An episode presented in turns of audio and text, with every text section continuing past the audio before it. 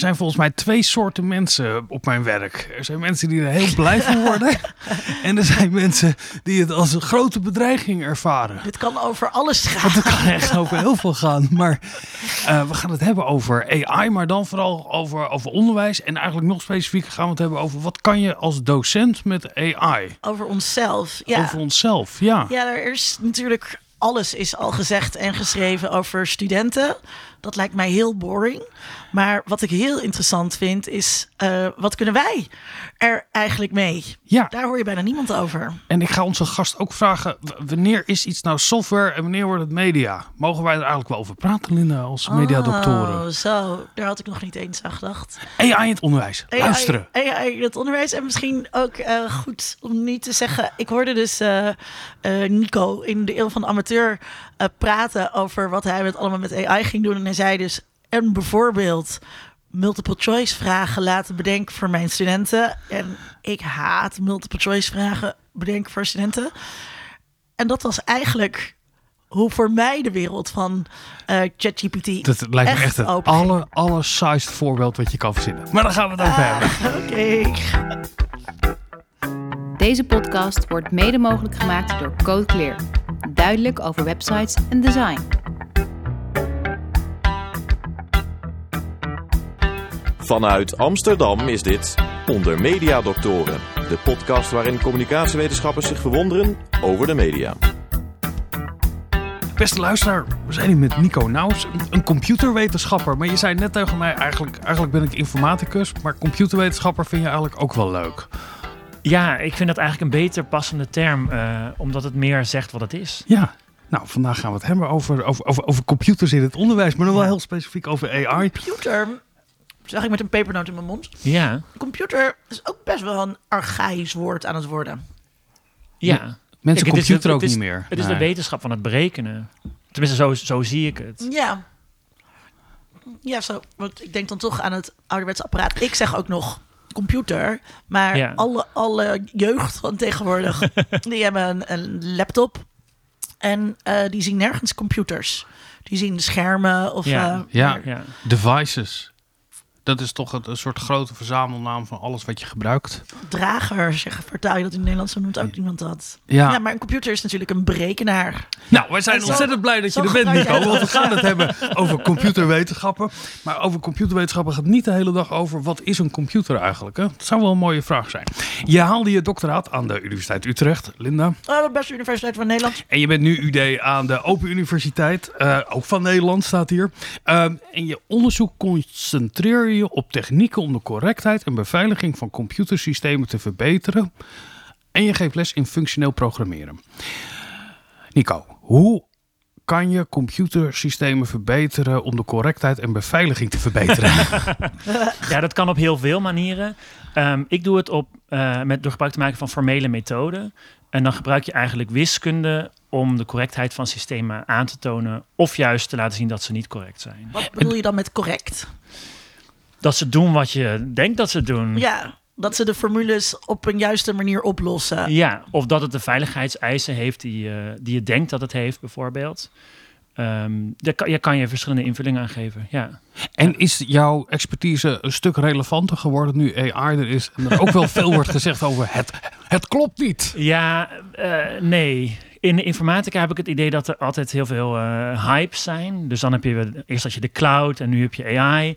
Dat is waar al het onderzoeksgeld ook naartoe gaat. En uh, formele methode is een beetje uit de mode, heb ik het idee. Je, je, hebt, de, je hebt de boot gemist. Eh, maar is dat dan binnen, binnen de informatica-wereld, is, is, is, de, is de wereld zelf modegevoelig of is de wereld daarbuiten modegevoelig, waardoor er opeens allemaal geld naar discipline komt? Ja, ik denk dat, ik denk dat laatste wel een beetje. Maar ik vind het jammer dat je het ook in het, in het, uh, in het onderzoek ziet. Dus als je nu een voorstel schrijft ja, en je gooit er crypto of AI of dat soort dingen in, blockchain, dan krijg je het geld binnen. Terwijl als je, um, ik weet niet, nieuwe programmeertalen wil gaan maken die beter zijn, dan is daar minder geld voor beschikbaar. Komt dat ook omdat die uh, toekenning van geld vaak een, um, uh, een zeg dat, supradisciplinaire aangelegenheid is? En de mensen bij MWO, dan zitten daar ook gewoon uh, mensen zoals wij. Ja. Eh, en die snappen alleen maar snappen Ja, crypto en blockchain en AI. Die snappen alleen de buswoorden. Ja. Nee, dat klopt helemaal. En je ziet ook als je bijvoorbeeld naar Amerikaanse financierders kijkt, zoals DARPA, dat daar die modegrillen veel minder zijn. Dus daar is wel geld voor formele, formele methoden en voor eh, statische analyse, dat soort dingen. Het is ook wel interessant hoe dit voor eh, allerlei andere vakgebieden uitpakt. Want ik kan me voorstellen dat je meer vakgebieden hebt waar zeg maar buitenstaander wetenschappen eh, over geldstromen moeten beoordelen. En die dan dus eerder geneigd zijn om dingen die ze kennen. eh, ja, maar dat zie je toch in de sociale wetenschappen. Dat echt, echt het, het, het- de angst van het moment dicteert de onderzoeksagenda Ja. van morgen. Eh, of het nou, nou ja, noem alle eh, eh, dingen waar we bang voor zijn. om dat, of het dat nou uit te leggen te is dun, ook te dik, geweld. eh, eh, Een, een koppeling is ook niet zo gek, want we, wij als wetenschappers moeten de problemen van de toekomst oplossen, zou ik denken. Ja, maar het is natuurlijk niet zeg maar aan de tuinman om te bedenken wat de problemen van de toekomst van de loodgieter Zeker. zijn. Zeker. Eh, Ja. Dat is wel ongeveer het hele idee achter de onderzoeksagenda, maar daar gaan we een andere keer eh, over hebben. Eh, in, in, in je proefschrift had je het over workflow systemen. Ja, Is het gebruik van bijvoorbeeld ChatGPT, is dat een workflow systeem? Eh, nee. Ja, ik vind het heel, heel lief dat je, jullie mijn proefschrift bekeken hebben. Dus ik heb ook. Alleen Oh. Vincent. Oké, is Ja, ja. Maar ik had voor jullie allebei een exemplaar Oh, meegenomen. graag. Ja. Want zoals bij- denk ik bij iedereen liggen er stapels en stapels van in mijn huis. Ik ben dit dol op de proefschriften. ja, en ik, want ik lees ook het liefst eh, eh, uit een boek. Ik, ik ben aan mijn laatste tien exemplaren toegekomen. Oh, maar wat goed. dat was natuurlijk wel dat iedereen en zijn moeder eh, er eentje kreeg. hey, dankjewel. Ik heb Mooi. hem eh, inderdaad online bekeken. En, en ik weet waar het over gaat. Ja, heel goed. Ja, want jij hebt geschreven over hoe je gebruikers hints kunt geven om Ja. de volgende stap te zetten in complexe werkprocessen. Ja. En maar even, want ik eh, de stap maken naar ChatGPT. Ja. Daar natuurlijk ook allemaal hints en wat dan ook zitten. Waarin over, komt het overeen met zoals ik ChatGPT nu ken? En waarin is het anders wat jij onderzocht hebt in je proefschrift? Ik denk dat het overeenkomt in de zin dat het allemaal abstracties zijn. Dus wat je vroeger zelf deed, doet nu ChatGPT voor je. Ehm, en dat zie je ook in workflow systemen. Dus wat je bij een workflow systeem je voor je moet zien is, je hebt een bedrijf, die hebben processen. En vroeger deden mensen dat gewoon met formulieren en allemaal met de hand op papier. En nu wil je dat digitaliseren. Eigenlijk ieder bedrijf heeft dat. Eh, Voor mij bijvoorbeeld, jij hebt eh, je, je, inventaris wil je eh, op orde houden. Ja, of bijvoorbeeld een ziekenhuis en die heeft patiënten en dokters en behandelingen die lopen en procedures Ja. die moeten volgen. Ehm, en dat wil je in een computer vastleggen, want dat is efficiënter en dan kun je het proces beter controleren, dat soort dingen. Alleen je geeft dan ook iets op. Dat is wat ik, wat ik een beetje in mijn proefschrift beargumenteer. Ehm, Maar voor dat ziekenhuisvoorbeeld. En wat geef je dan op? de mensen worden dommer, om het zo maar even plat te zeggen. Het is een beetje zoals met, eh, met kaartlezen en GPS. Dus vroeger wisten mensen waar alle snelwegen waren en hoe je waar naartoe kwam. En nu typ je het gewoon in de GPS en ga je rijden. En kunnen we ook niet meer kaart lezen. Precies. Maar de vraag is, uit ons hoofd Is dat erg? En Ja. ik denk dat dat niet zo erg is. Ah ja. Ja, nou ja, totdat het, totdat het wegvalt natuurlijk. Ja, Zoals ik wel eens in een auto heb gezeten. Ja. En ik weet, ik heb heel laat mijn rijbewijs gehaald. Ik weet nog steeds niet precies hoe de wegen heten. Of, eh, of welke A-weg Ja. het is. De A2 of de A3. Is er een A3? Dat weet ik niet. ik, Eh, ik vind dat zelf een beetje nutteloze kennis.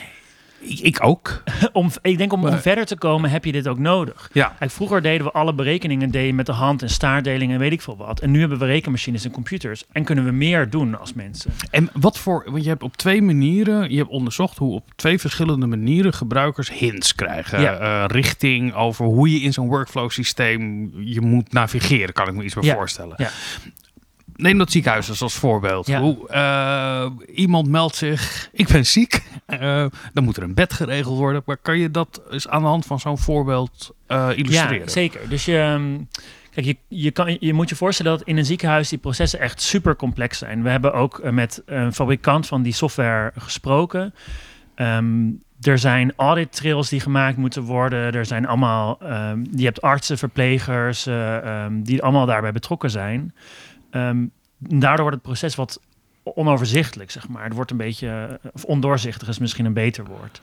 Ehm, en wij beargumenteren, of ik eigenlijk in mijn proefschrift, dat ehm, het goed zou zijn om die gebruikers beter te ondersteunen dan nu gebeurt. Ja. Want nu krijgt een, medewerker krijgt gewoon een formulier te zien op een scherm en klikt daarop, maar er is niet per se duidelijk wat er dan vervolgens gebeurt. Tenzij je heel, veel, heel lang daar werkt, veel ervaring hebt met dat systeem. Dus ik denk dat daar meer hulp Maar kunnen waarom zou een gebruiker dat willen?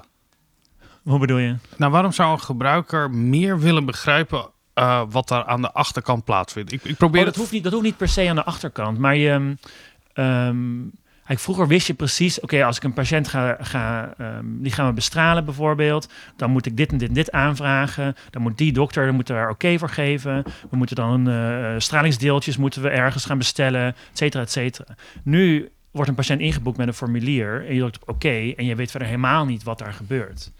Ehm, en iets van kennis... eh, daar weer in terugbrengen is volgens mij heel waardevol.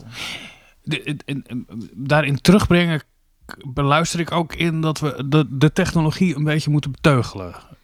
Nee, niet per se. Ik denk dat je. ehm, ik denk dat het juist goed is om dus ook die hoge abstractieniveaus te, te, te raken. Dus waar we net over hadden met die, met die GPS en de landkaart. Ik denk dat dat heel goed is. Alleen je moet ehm, een goede afweging maken wat je wel en niet aan de gebruiker meegeeft. En misschien hoeft ook niet elke gebruiker ehm, eh, het nog de oude manier te weten. Ja, zeker. Ja. En wat, wat gaat er eigenlijk mis op het moment dat dit soort systemen dan echt misgaan? Dus als deze hints er niet zijn, als de gebruikers niet... Wat, wat, wat, Nou, welke dystopische fantasie heb jij erbij gehad toen je je proefschrift schreef? Goeie vraag. Ja, de meeste systemen hebben dit helemaal niet. Ehm, ik denk dat je een organisatie gewoon efficiënter kan maken op deze manier. En ja, eigenlijk in een Dat klinkt contra in, in, in eh, het- het- het efficiënter door de mensen een grotere rol te geven. Dat klinkt tegen, tenminste niet zoals als, als ik efficiëntie eh, bezie. Ehm, ja, ik snap wat je bedoelt. Oké, voorbeeld. Ehm, ik moet denken aan de bezorgers. Die fietsen compleet op Google Maps. Ja. En je ziet ze ook fietsen als totaal idioten. Ja, ja, ja. Het zou heel wat zijn als je aan die bezorgers zou uitleggen dat de even nummers aan de ene kant van de straat zitten en de oneven nummers Ja. aan de andere kant van de straat. En dat dat bij elke straat in principe hetzelfde is. Rechts oneven, links even en dan oplopend. Hè, dat je de logica achter een straatindeling uitlegt aan die mensen. ja. Eh, en dan heb je dus één klein stapje in wat Google Maps doet inzichtelijk voor zich gemaakt. Is dat een beetje wat, wat ik, waar ik aan moet Ja, denken? ja, ik, ik denk... Dat is efficiënt. Ja, en ik moet Ja. denken, ik denk die bedrijven die dan soms op hun site hebben staan van... ehm, je moet dit adres in Google Maps intypen en niet ons echte post of niet ons echte adres, want Google Ja. Maps is verkeerd. Dus dat zij grijpen in, zeg maar, in mijn proces om er te komen via de technologie. Dat vind ik dan, is, is dat die, die menselijke touch als correctie? Nou, ik denk dat je meer... ehm, je moet realiseren wat je aan het doen bent als, als gebruiker van zo'n systeem... in welk geheel je, je past, zeg Ja. maar. Ja. ik denk dat een, een goede vergelijking is misschien... als we teruggaan naar dat, dat rekenen en die rekenmachine... Ehm, waarom leren kinderen op de basisschool nog steeds eh, optellen en delen en vermenigvuldigen... ja. Als ze straks toch een rekenmachine gaan gebruiken. Ik denk dat dat is belangrijk, omdat je ziet hoe werkt dat, zodat je die rekenmachine kan gebruiken. Je weet wat eronder ligt, wat daar gebeurt. Ja, dus het heeft ook, ook wel met, met, met leren te maken. Ja, absoluut. daar gaan we, Zeker. het, gaan we het Ja. uitgebreid over hebben. Ja. Linda, Juist niet. is... we gaan het niet hebben over leren of... Maar niet over studenten die dingen moeten leren. Nee, we gaan het hebben over docenten en wat wij Ja, ermee eh, Wij mee moeten kunnen ook doen. shit leren. Ehm, is gebruik van eh, dit soort tools, toepassingen, Linda, is dat eh, een vorm van vals spelen? Ehm, eh, dat- ligt eraan hoe je vals spelen eh, definieert.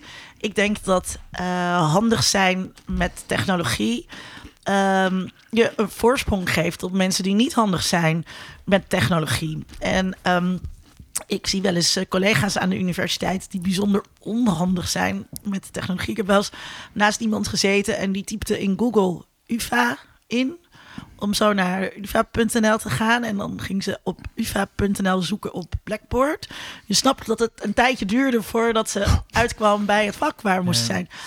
Ehm, eh, eh, dus dus, ehm, eh, dus ik, ik denk dat het je een voorsprong geeft als je handig bent. Ja, is dat vals spelen? Nou ja, nee, want eh, eh, je wordt niet beoordeeld op hoe snel je werkt. Aan de andere kant ook weer wel.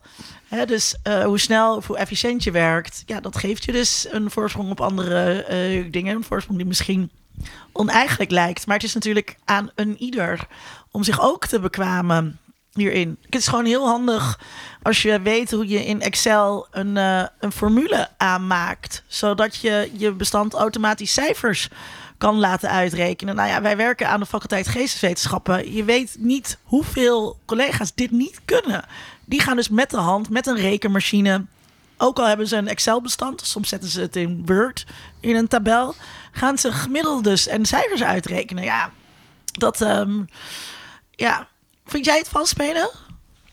Nee, ik vind zeker geen vals spelen. Ehm, maar daar zit wel een, je kan het wel gebruiken om vals te spelen. Daar zit natuurlijk een groot verschil in. Ik denk dat. eh, ik was eh, pas geleden bij een bijeenkomst. En die ging over schrijfopdrachten ChatGPT ChatGPT-proof maken. Ik zal er vast straks nog wel vaker aan refereren aan die bijeenkomst. En ehm, ik zat daar met de eh, open ogen te kijken. En dan ben ik vergeten wat ik wou zeggen. Wat zei jij net? We komen er zo op, weet ik zeker. Ehm, Eh, ik, ik Nee, wil maar wat, eerst... zei je, wat zei je net? Dan Ik weet het ook niet meer wat ik zei, maar dat kunnen we Oh. aan Marius vragen om dat terug te luisteren. Ehm, de- ik wil even een rondje doen, want we komen alle drie uit een, een net iets andere domein, kan je, kan Ja. je zeggen. Ik kom uit de geesteswetenschappen. Nou ja, Linda, jij werkt nu ook in de geesteswetenschappen, maar heeft een achtergrond in sociale wetenschappen. Jij in de, in, in de informatica.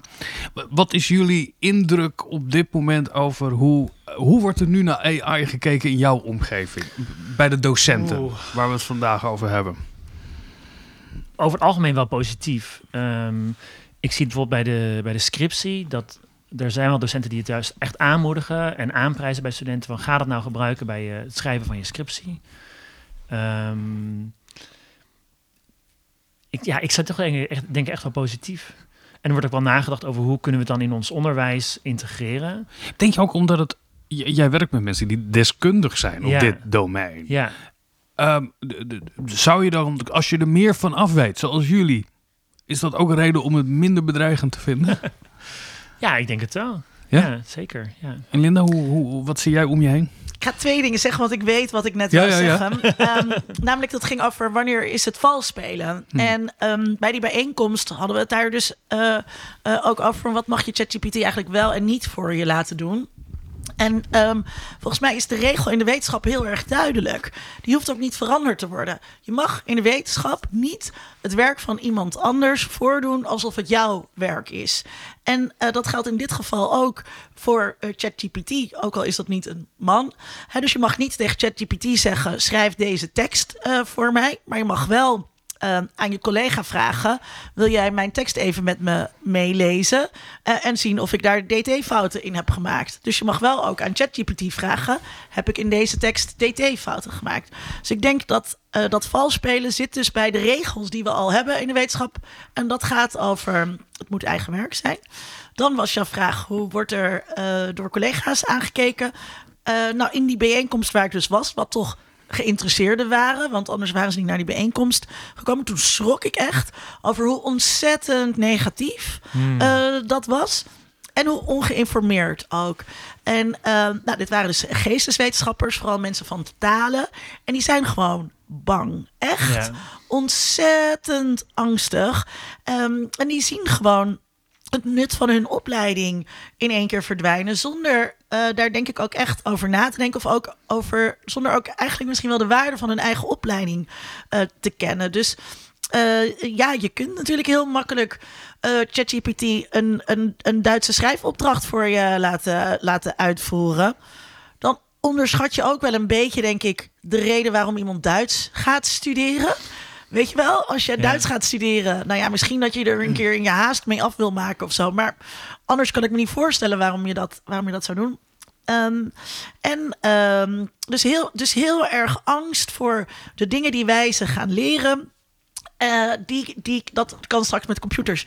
En ik zat alleen maar te denken de hele tijd: rekenmachine, rekenmachine, Ja. rekenmachine. Ja. Het is hier al gevallen. Dus Ja. eh, toen ging ik ook maar tegen die arme geesteswetenschappers zeggen: Misschien moeten jullie een keertje met mensen gaan praten die statistiekonderwijs geven. Omdat het daar al. ehm, eh, ik heb ook statistieken gegeven.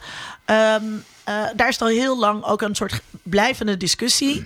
Moeten we studenten leren om eh, bepaalde maten ook met de hand uit te kunnen rekenen? Hè, dus een G-kwadraat, eh, dat, dat kan je redelijk simpel, nog steeds vrij ingewikkeld, redelijk simpel met de hand uitrekenen. En toen ik methodeonderwijs gaf, moesten studenten dat met de hand kunnen. Eh, maar dat is een discussie. Dat is een onderwijskundige discussie. Ja. Want dat is ook gewoon een knopje in, in een in SPSS of in elk ander statistiekprogramma. Ja, maar ik, ik schrok van de angst. Ja, ik herken het hoor. Dat vorig jaar, volgens mij 15 december om precies te zijn, toen ChatGPT eh, beschikbaar kwam. Echt, dat zat natuurlijk midden in de kerstvakantie. Maar het allereerste na de kerst was een soort reflectie. Hoe gaan we dit verbieden? Hoe gaan Ja. we dit onmogelijk maken Ja. voor de studenten? En al heel snel popte er verhaal op. Je, je kan het, eh, het, het. Er is een ander systeem weer waarmee we dit systeem kunnen controleren. Dus dan weten we dat het eh, niet zo is. Die groep heb ik gezien. Dat vertaalde zich natuurlijk ook gelijk in. Dat werd echt op het hoogste niveau, weet ik, eh, besproken. Ook eh, echt als een alarmerend ding. Ja. Dat onze rector aan tafel werd gezegd van nou, hoe, dit, we gaan het nu. De vraag was, de oer was net aangenomen. Gaan we, jij hebt eh, daar lang, eh, ben je daar onderdeel van geweest natuurlijk ook binnen de universiteitsraden en zo. Maar die moest direct weer teruggetrokken worden. Dat vond ik een hele interessante reflex binnen mijn, mijn faculteit in de geesteswetenschappen. Zie je ook een groep die zegt van ja, ik heb het uitgeprobeerd. Maar dit, dit is totaal niet wat wij doen eigenlijk. Hè? Weet je wel, de ChatGPT kan helemaal, zal nooit kunnen presteren dat wat wij kunnen presteren. Dat zijn mensen met een heel veel zelfvertrouwen.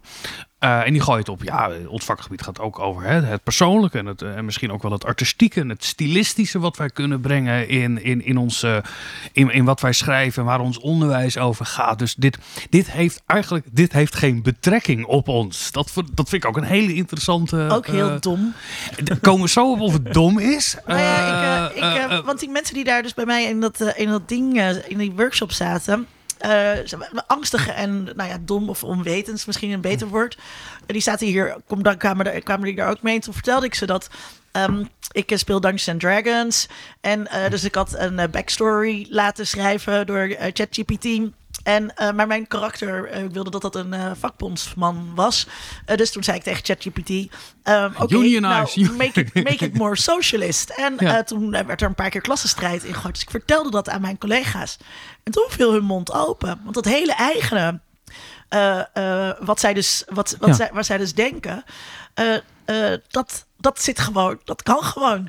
Je kan ook gewoon, eh, je kan ook zeggen, gooi er een paar taalfouten in om het authentieker te laten lijken. Dat, dat, ja, die Ja. informatie is volgens mij, maar zelfs dan denk ik dat er in die bepaalde groepen een soort vertrouwen is van ja, dit heeft, dit heeft er gewoon niets mee te maken. Het zijn ook de mensen die zeggen, ik zie het direct. Ik zie het direct als het eh, vanuit ChatGPT komt. En er is natuurlijk ook wel een groep die zegt, nou, eh, wij gaan dit omarmen. Eh, wij, wij kunnen hier niet tegen vechten, willen we misschien ook helemaal niet. En in En- al die discussies mis ik eigenlijk het onderwerp van onze podcast van vandaag. Namelijk, eh, wat betekent het voor het werk van docenten? Ja, nou, hoor wordt... je bij jullie Ja. die discussie? Of Ja. hoor je daar bij jullie gesprekken over? Nou ja, de, de, op selectieve plekken zijn er al. Ik weet dat er workshops zijn aangeboden vanuit het eh, Center for Academic Teaching and Learning. En die zaten gelijk ramvol. Eh, dus het, het, het leeft enorm. Workshops wat? Workshops over hoe je als docent gebruik zou kunnen maken van ChatGPT en AI-achtige toepassingen. En waarin het wel kan en waarin het niet kan. Eh, maar toch moet ik zeggen, veel van die presentaties, ik was laatst over, kan je bijvoorbeeld geautomatiseerd nakijken. Gaan we het nog Ja. over hebben. Nou, dat is, het blijkt allemaal in de praktijk allemaal heel erg tegen te vallen hoe je dat kan doen. Iemand had er een heel mooi onderzoekje gedaan, dat zelf gedaan en uitgevoerd. En ChatGPT nog meer geïnformeerd. En dat nou, bleek toch heel erg lastig. Merk je toch bij de kring van collega's iets van een opluchting, heb ik het idee. Een, een soort, het is fijn om die ho- in hoogwaardige technologie een, een soort feilbaarheid te zien. Ik wil niet gelijk dat in, in, een, in een soort geesteswetenschappelijk debat trekken, maar Hoe kijk jij ernaar? Nou, ik zou heel blij zijn als ik geautomatiseerd kan nakijken. Toch? Ik weet niet waarom je daar, moet, oh, daar blij mee moet zijn als dat niet kan. Ik, ik denk, veel van de taken die ChatGPT doet, waren die de moeite al waard in the first place om te doen. zoals Nou, zoals Multiple nakijken. choice vragen bedenken. Ja. Precies. Eh, vragen bedenken, het nakijken van dingen. Het schrijven van, weet ik veel, eh, abstracts of zo. Ja, is het niet beter als dat gewoon gegenereerd wordt en je kunt het zelf een beetje tweaken? Ja, nee, ik, uh, over, dat over, denk ik. over, over hoe, we, hoe wij daarover denken, komen we zo wel op. Maar dit is wel een beetje hoe. En nou, kijk, ik, ik, ik had ook even Ja. gekeken wat nou. Want jij zegt ja. Plagiaat is op het moment dat je iets presenteert wat van iemand anders is. Ja. Je, eh, maar wie is die ander dan als dat. Als het die ander de miljarden teksten zijn die we met elkaar hebben geproduceerd waarin ik misschien ook wel teksten voor mij zijn meegenomen, eh, dan ben ik toch, dan is het van ons allemaal. In het onderwijs- en examenreglement in Utrecht staat dan ook dat gegenereerde tekst inleveren onder je eigen naam, dat is fraude, staat er op de site. Dus een tekst dat gegenereerd is, is wat anders, denk ik, dan een tekst dat overgenomen is door iemand anders. Ja, en bij, die, bij het genereren van teksten hangt het ook af van je prompt wat je geeft. Stel dat je een werkstuk moet maken, ik weet ik veel, over eh, Alan Turing, zeg maar wat. Ja. En je vraagt als prompt, eh, schrijf een werkstuk over Alan Turing en je levert dat in. Ja, dat is duidelijk, is dat niet de bedoeling. Maar als jij zegt, eh, schrijf een stukje over Alan Turing waarin je dit en dit en dit in zijn leven beschrijft. Ja, wat maakt het dan nog uit dat die extra stap er is? Ik had, eh, dit is een discussie die in de kunstwereld al langer eh, speelt. Ehm, dus voordat ChatGPT kwam, was, eh, waren mensen natuurlijk al in de ban van eh DALI 2. Ja, ja. En, ehm, eh, en kunstenaars waren daar boos over, omdat eh, DALI is getraind met bestaande afbeeldingen, met allerlei kunst van andere mensen. En Ja. heel veel bestaande kunstenaars eh, die zeggen, ja, ik wil eigenlijk niet dat AI getraind wordt op basis van mijn werk. Dus kan ik, een, kan ik opt-outen? Dus dat is ook een interessante vraag. Heel veel kranten willen dat nu trouwens ook, eh, als het over auteursrecht gaat.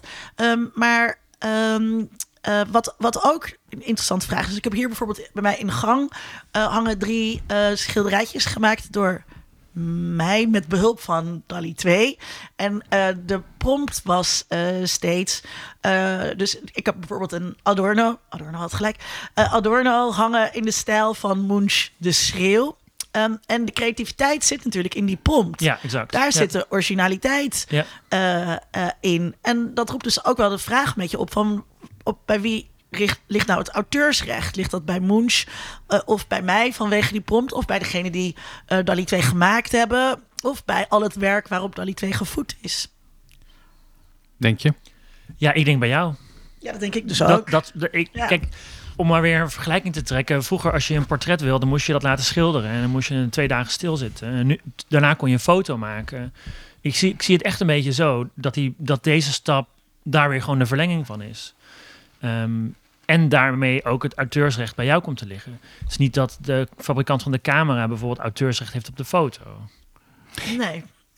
Nee, maar ik, ik, ik vond de term gegenereerde tekst heel, heel moeilijk. Misschien kan je me daarmee helpen als computerwetenschapper. maar op het moment dat ik een tekstverwerker gebruik, het zit al in het woord. Ja, Ehm, en ik laat een spellingcheck doen. Of eh, ik zeg, oh, go- goh, geef mij eens een suggestie over hoe ik het korter kan maken. Nou, dat zat nog niet in Word, maar nou, eh, Grammarly heb je bijvoorbeeld waarbij dat eh, nou, kan. ik, ik maak Ja. er gebruik van. Grammarly Ja. die zegt, hey, dit apostrofje moet toch echt hier Ja. wel of niet staan.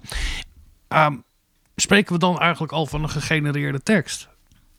Ja, ik vind die definitie heel onduidelijk. Maar is er als computerwetenschapper voor jou iets zinnigs te zeggen over het onderscheid tussen ChatGPT en de toepassingen daarvan en bijvoorbeeld eh, spellingcheckers of, of dingen die we daarvoor al kenden? Ja, het is gewoon een overtreffende trap daarvan volgens mij. Maar, ik- en, en over de treffende trap van wat dan? Nou, eh, van ondersteuning. Van assistent Ja? zijn. Ja. Kijk, je kunt bij ChatGPT ook een tekst ingeven en vragen van... kun je het mooier maken of kun je de spelfouten eruit halen? Ja, die, die lijn tussen wel en niet gegenereerd, die bestaat volgens mij gewoon niet. En, wat is dan wat is de grote stap voorwaarts geweest? Want ik weet, de- deze large language modellen wordt natuurlijk al langer mee. hè, Ja. Het, is niet dat het op 15 december bedacht is. Ja. Maar wat is dan de grote, s- technologisch gezien, de grote stap voorwaarts tussen wat nu ChatGPT is en bijvoorbeeld mijn, mijn, mijn spellingchecker? ja, dat er dus lerende elementen in zitten. Maar ChatGPT doet in die zin niet iets nieuws of zo. Er zit geen nieuwe technologische doorbraak in verwerkt. Het is puur en alleen dat de dataset zo gigantisch is. Dus Microsoft heeft volgens mij 10 miljard dollar erin gepompt om dat model te trainen. Ehm, dus je krijgt eigenlijk de technologieën die we al hadden, maar dan op een veel grotere set ge- getraind. En met een gebruiksvriendelijke um, interface. Zeker, zeker. Ja. Ja, dat, ja. Dus als ik het voor mezelf zou moeten uitleggen, waar je eerst misschien alle schrijfregels moet opnemen en een woordenboek. Als je dan gewoon de hele wereldliteratuur eh, heeft gewoon een grotere database om uit te zoeken of zijn eigen suggesties uit te suggereren. ja. Ja. Dan klinkt ook wel teleurstellend. Dan zou je vanuit Ja, een er zit dus niet een soort magische dingen in, in ChatGPT. Ik heb het idee dat sommige mensen dat denken, dat er een soort, soort magische technologie in zit. Ik had wel in de veronderstelling dat er iets ook op, op, op, op een eh, functionerend niveau, weet je wel, op een andere manier eh, eh, informatie wordt gegenereerd dan met een, een spellingchecker of een. Dat is een, wel zeker waar. Maar als je kijkt naar andere AI-toepassingen, worden daar dezelfde technieken gebruikt, eigenlijk onder de motorkap. Ja. Eigenlijk dus als we op de technologie eigenlijk geen wezenlijk formeel onderscheid kunnen maken tussen al deze systemen, is het natuurlijk heel wonderlijk dat we een regel hebben over gegenereerde teksten. Dat houdt Ja. eigenlijk dan eh, geen stand. Ik denk dus ook dat dat eh, een onhandige formulering is. Ik denk dat het een formulering is waar we over twintig jaar met veel plezier naar gaan kijken. Ik denk dat het dat is. Ik, ja, ik denk dus dat we geen herformulering nodig hebben. Het moet ehm, eh, ja, ja, je eigen werk zijn. En volgens mij is het dat verschil tussen ChatGPT om hulp vragen bij wat je aan het doen bent, Ja, of ChatGPT het werk voor je laten doen. Dat is exact hetzelfde ehm, eh, eh, met mensen. Dus je kunt ook aan mensen vragen of ze je scriptie voor je willen schrijven. Dat mag niet. Ja. Mag Ja. je extern scriptiebegeleiding inhuren? Dat mag wel. Mag je tante eh, je taal verbeteren? Dat mag. ja. Denk je dan ook dat het een, een democratiserend kan werken? Daar gaan we straks pas naartoe. Hou je aan je eigen draaiboek. Nou, maar dat vond zo'n mooi bruggetje voor nu. Oké, dan gaan we het hebben over de verschillende eh, domeinen waar wij in zitten. Ehm, we hebben het net al een beetje gehad over de, over de geesteswetenschappen. Zouden daar wezenlijke verschillen zijn voor de docenten in de verschillende domeinen over welke rol eh, AI gaat spelen? ja, absoluut. En ik denk dat eh, informatica het meeste baat heeft bij ChatGPT. Simpelweg doordat de, wat hij kan met programmeren, bijvoorbeeld, dat, loopt, dat is gewoon zo, eh, zo geavanceerd. En je moet dus ook gaan nadenken over je opdrachten, of dat allemaal nog wel, wel zin heeft. Eh, om die op die manier te stellen. En Maar- je moet ze dit Maar je zei nou dat, dat ze er het meest aan hebben. Ja, Of je zou ook kunnen redeneren. Zijn het nadeel. meest, oh ja, het meest, meest, ja eh, het, het grootste impact zal hebben. grootste op, impact zeker. Ja, op, op absoluut. wat je aan het doen Ja. bent. Ja, de- we hadden al Copilot. eh ik weet niet of je daar was van gehoord hebt. ehm, voordat ChatGPT kwam. Dus we zijn er al een beetje aan gewend. Ehm, maar ja, wat ik een interessante vraag is... programmeren we nog over vijf jaar, over tien jaar? Of, of wordt het allemaal weggeabstraheerd? Ja, want ik sprak een, een, een natuurkundige en die zei van ja, de- toen ik ging studeren en hij was van mijn leeftijd, eh, werden er mensen gezegd, ja, als je computerized of computer assisted eh, natuurkundige werkt, nee, je moet op een, je, calculus moet op een, moet, moet- moet op een bord geschreven worden met Ja, krijt. Zo ja, hadden we ja. het toch gezien op de oude Ja. plaatjes. Dan, dan, dan, wat wij, eh, dan kom je tot het niveau van verstehen en niet alleen maar Toen uitvoeren. ik eh, met computers leerde werken, eh, als, eh, als eh, jonge kleine meid eh, begin jaren tachtig, eh, moest je eh, computers allerlei commando's geven. Als je een, op een programma wilde opstarten, Ja. dan moest je zeggen run dit. En dat is, dat is C allemaal... punt, backslash, Ja, backslash. dat is, dat, ja. is allemaal, dat is allemaal verdwenen. Ik doe het nog iedere dag. Ja, maar dus, dus eh, ehm, programmeren we straks nog? Nou, jij waarschijnlijk wel. Dus er zijn andere Ja. mensen blijven die, die blijven programmeren. Maar de rest van de mensen zegt gewoon... Ik hoop het voor ze dat dat niet hoeft. Ja, Want wat jij zegt eigenlijk in alle eh, onderzoeksvelden wordt informatica steeds belangrijker. Als je biologie doet, natuurkunde, ehm, je- als je niet programmeert, ja, dat, dan, dat- dan kun je nooit resultaten halen die je collega's halen. Om het ook zo in, maar te ook in de sociale en de geesteswetenschappen. Precies. eh, als je digitale analyses wil uitvoeren, heb je gewoon een enorm voordeel als je kan programmeren. Ja, maar dat is niet iets wat je, ja, wat ik zeg, die skill is volgens mij een beetje onzinnig als je bioloog bent of als je ehm, socioloog bent of wat dan ook. Ehm, dus daar zijn abstractie voor willen. Net eigenlijk met wat jij zei over die statistiek. Je wil ook niet dat mensen met, met allemaal tabellen en met de hand zelf die statistiek allemaal zitten doen. Dat slaat gewoon nergens op. Het is leuk als een paar mensen weten hoe dat zit. Ja, Eh, maar voor de rest kan je gewoon op knopjes drukken. ja. Dus als je tegen ChatGPT kan, kan zeggen van... ik wil een programma wat deze analyse op mijn afbeeldingen doet... en dan dit en dit ermee. En hij genereert het algoritme voor je. Ja, fantastisch, zou ik zeggen. Dat lijkt mij Ja. ook. Maar Ja. Er zit wel een interessante contradictie in. in, in, in het, aan de ene kant worden informatici overbodig. Want eh, de vaardigheden die zij naar de wereld brengen, eh, weet je wat, kunnen we straks zelf ook. Hebben we geen Ja. informaticus voor nodig. Ja. Aan de andere kant zou je zeggen, als dit soort principes van informatici overal een rol gaan spelen, kunnen ze alleen maar nog belangrijker worden. Nee, dat denk ik ook. Zeker, absoluut. Maar wel op een ander abstractieniveau dan we nu doen. Kijk, als je naar, naar het werk kijkt van, kijkt van een developer bijvoorbeeld, programmeur, 90%, 95% is oninteressant. Is echt eh, iedere keer weer dezelfde code schrijven die niet de kern doet van wat je wil maken. Als je dat allemaal weg kan doen, dan heb je dus al die tijd over om je te richten op wat er echt belangrijk is. Dat was ook dat met die, met die mensen in die workshop. eh, die dus ver- goede vertalingen, zeg maar, ter graven gedragen zagen worden. Terwijl heel veel vertalers moeten echt kuttingen vertalen. Weet je wel, die moeten Ja. gebruiksaanwijzingen vertalen. dat is hartstikke saai, stomzinnig werk. En niet iedereen is literair vertaler en, eh, en krijgt een beurs om. eh, eh, en we moeten dus ook niet doen alsof dat, alsof dat zo is. En het is Ja. heel fijn dat die Absoluut. mensen die nu die stomzinnige dingen moeten vertalen, dat ze dat straks niet meer hoeven te doen. Absoluut. Ik vind het ook heel fijn dat allerlei. Ik, ik bedoel, ik kan heel goed Engels naar Nederlands en Nederlands naar Engels vertalen. Maar ik ben super blij dat ik dat ChatGPT laat doen. Want het kost uiteindelijk wel gewoon tijd. Wat zie jij als je kijkt naar eh, je achtergrond in de sociale wetenschappen? Ehm, welke rol zie je daar voor de docenten? Ik denk niet dat het dat die dat die. eh, wat, wat bedoel wat nou is ja, hoe, hoe zal voor docenten in de sociale wetenschappen, ik ga even uit van hoger onderwijs, eh, het werk veranderen omdat er nu dit soort toepassingen Nou, zijn? laat, maar misschien moeten we dus eerst het even gaan hebben over wat kan je er eigenlijk allemaal mee. Ja, Voordat we gaan kijken naar de toekomst. oké.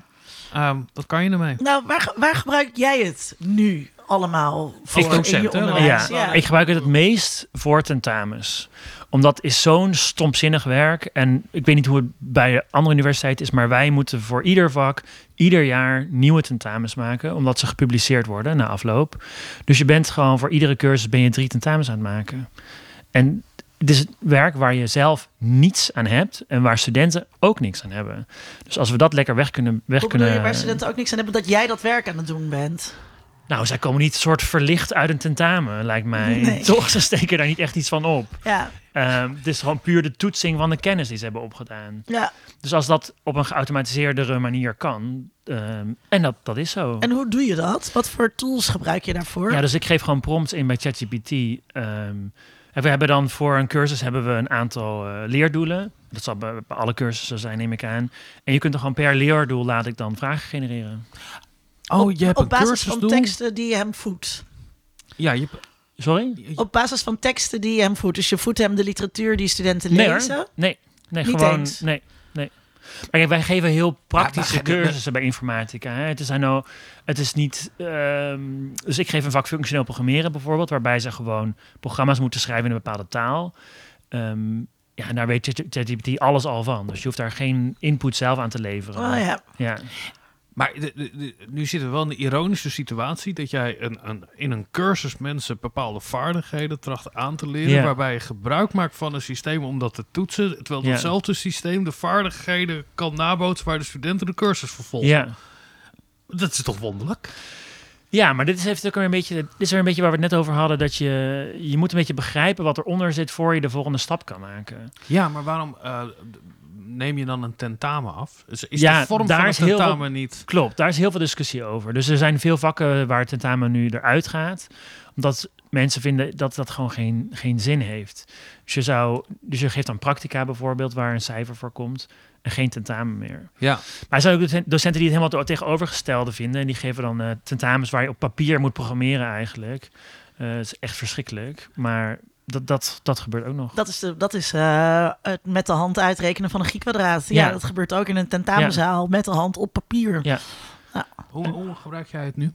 Eh, eh, nou ja, eh, dus voor multiple choice vragen. En je hebt ehm, eh, PDF-toepassingen. En dus je kunt de PDF voeden aan ChatGPT. En dan kan je daar gewoon vragen op stellen. Dus je kunt gewoon prompten. analyseer deze tekst en stel 15 multiple choice vragen op. met de ABCD antwoorden. Eén antwoord moet eh, eh, erg mis of erg onjuist zijn. Eentje moet een beetje misleidend zijn, eentje juist en iets ertussenin. Ehm, en dat is met wisselende kwaliteit. Ehm, eh, waar ik het ook veel voor gebruik, ook in deze hoek, is. ehm, eh, dan bedenk ik zelf de multiple choice vragen. Dat vaak, gaat vaak eigenlijk sneller, omdat je zelf goed ziet wat de hoofdpunten van een tekst zijn, of dat weet je. Eh, of je hebt een bepaalde systematiek. Dus bijvoorbeeld bij ehm, eh, studenten in één vak eh, vragen, stel ik altijd een multiple choice vraag over de methode. Welke methode ehm, hebben Kronen en Duits toegepast? Eh, ja, Ehm, maar dus ik gebruik het ook heel vaak voor, eh, eh, hoe zeg je dat, foutieve antwoorden bedenken. Dus dan bedenk ik zelf de vraag. Maar die foutieve antwoord, dat is, dat is ook stompzinnig antwoord. ja. Ehm, vertalen dus van dingen, maar ook bijvoorbeeld maken een A en B versie of randomiseer de antwoordmogelijkheden. Dus dat zijn allemaal dingen in het toetsen. Ehm, maar ook, eh, ik was met ehm, rubrics bezig. En dat kan ChatGPT dus ook bijvoorbeeld heel erg goed. Dus ehm, je geeft de leerdoelen inderdaad van een vak eh, in. En dan zeg je, maak een, hoe heet dat, drie kolommen eh, rubric. En dan rolt dat eruit. En daar was ik ook wel heel verbaasd over hoe goed hij dat kon. En dat was op basis van een tip van mensen bij het Teaching and Learning Center. Eh, die zeiden, laat, laat ChatGPT dat eens voor je doen. En maak je er ook gebruik van in je onder... Want dit gaat allebei over toetsing. Kan je er ook gebruik van En maken? dit zijn wel allemaal dingen trouwens die je dus... En dat ik denk dat het belangrijk is bij alles. Je moet dat dus nog wel met zelf nog even nalopen. Ja, Je moet ja, altijd alles even nalopen. altijd. Ja. komt ook echt onzin uit Ja. soms. Ja. Ja, ik gebruik het ook wel om in het... eh, in de En waar werk- gebruik jij het voor? Ja, in de werkgroep heb ik eh, een paar keer een artikel laten, niet zozeer laten samenvatten door ChatGPT, maar een soort argumentatieopbouw van het artikel in vijf of zeven stappen. En dat vond ik buitengewoon behulpzaam om mijn eigen verhaal vorm te geven. Wat zijn nou eigenlijk de centrale argumenten? Tuurlijk heb ik het stuk gelezen, maar eh, ChatGPT kan dat echt veel beter eigenlijk. En Ja. je kan het veel beter de, in kaart brengen wat de hoofdlijn is en wat, wat illustratie is.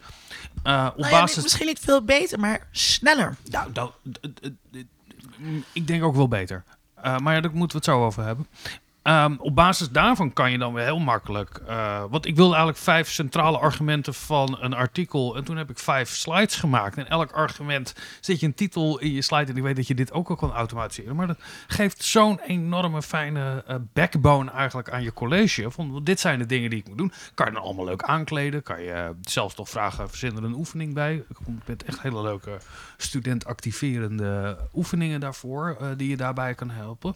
Waar Eh, ChatGPT ook goed in is. ja. In, in dat soort dingen bedenken. in, in creatieve werkvormen eh, suggereren op basis echt van de tekst die je op dat moment aan het bespreken bent. Vind ik echt door bijvoorbeeld oefenvragen te verzinnen of voor's en tegens.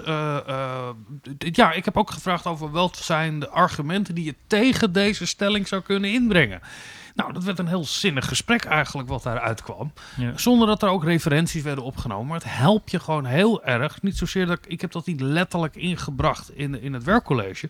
Maar het helpt er wel mij eh, om, om, om scherp als docent eh, eh, voor de groep te staan.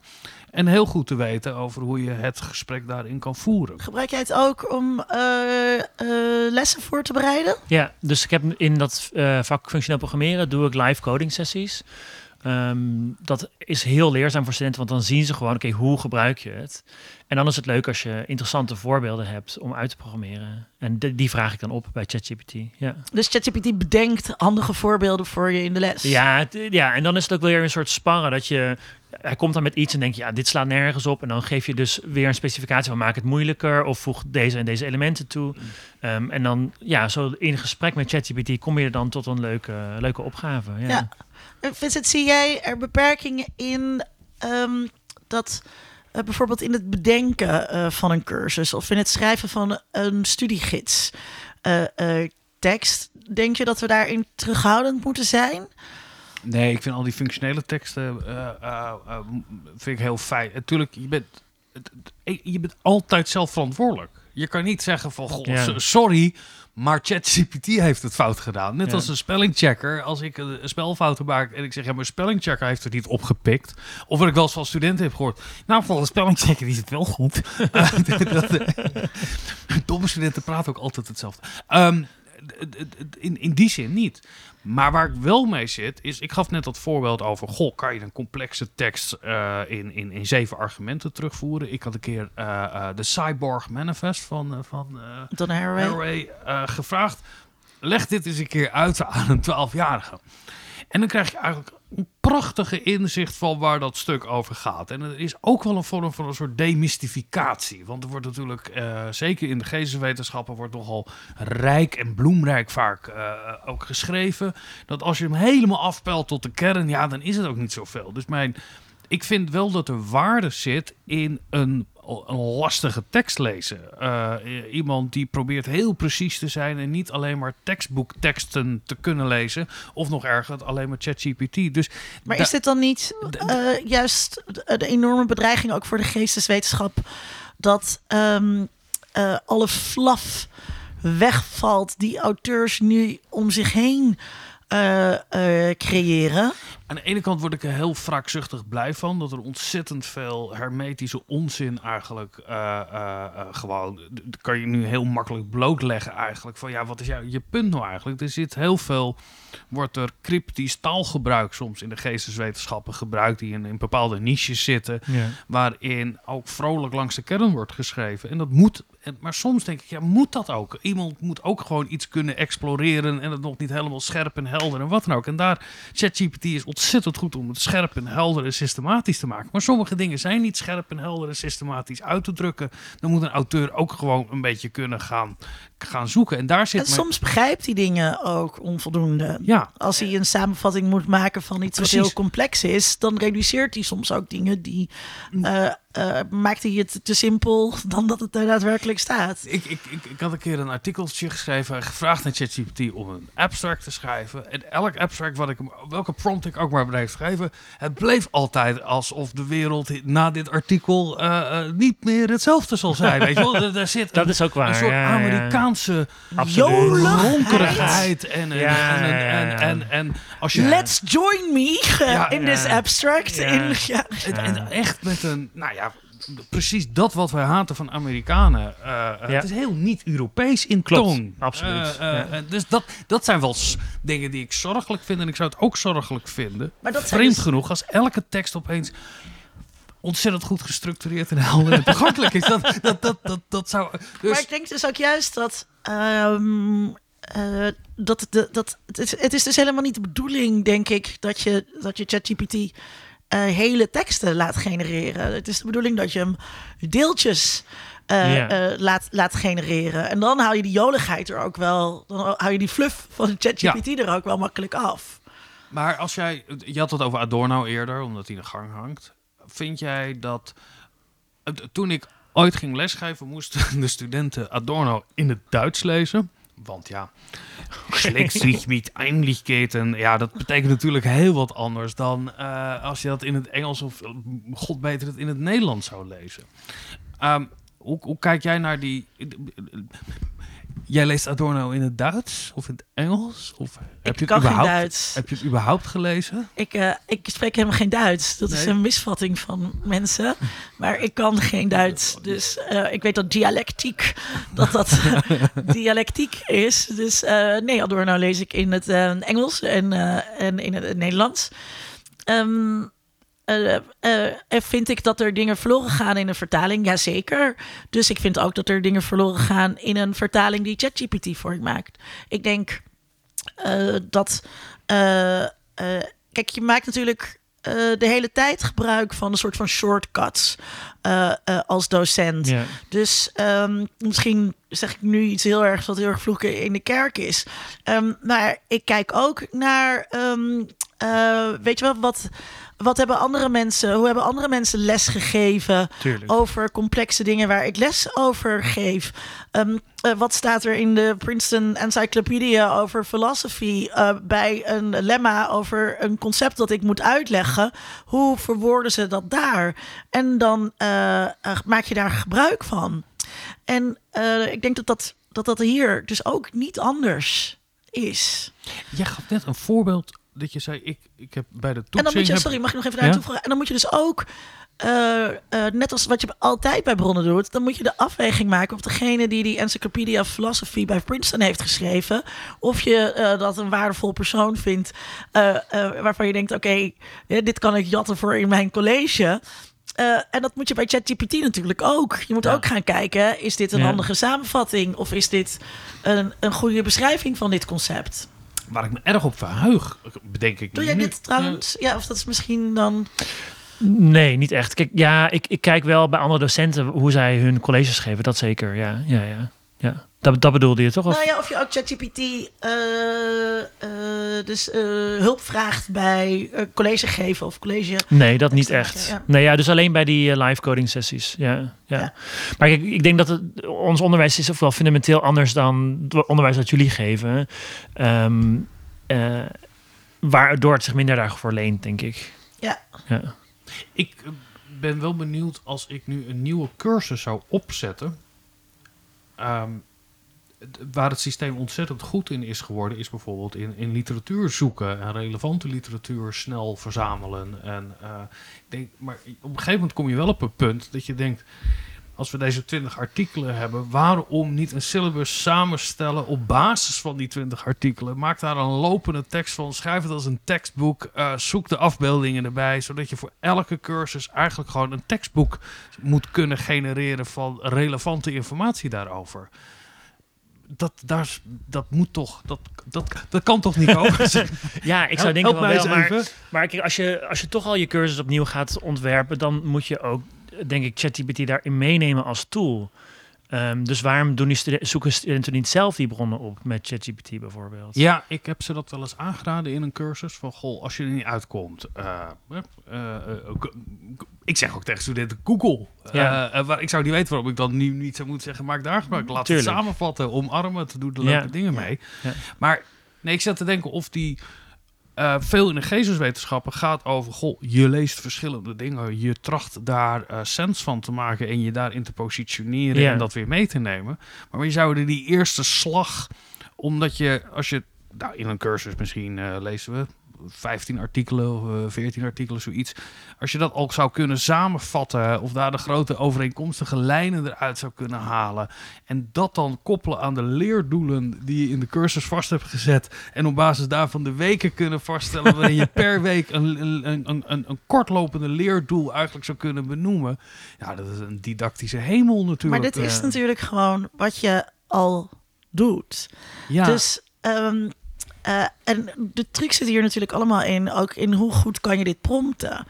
Eh, eh, dus ehm, eh, als je zegt, weet je, zoek naar literatuur, verschenen tussen dan en dan, met deze en deze onderwerpen, en deze en deze focus.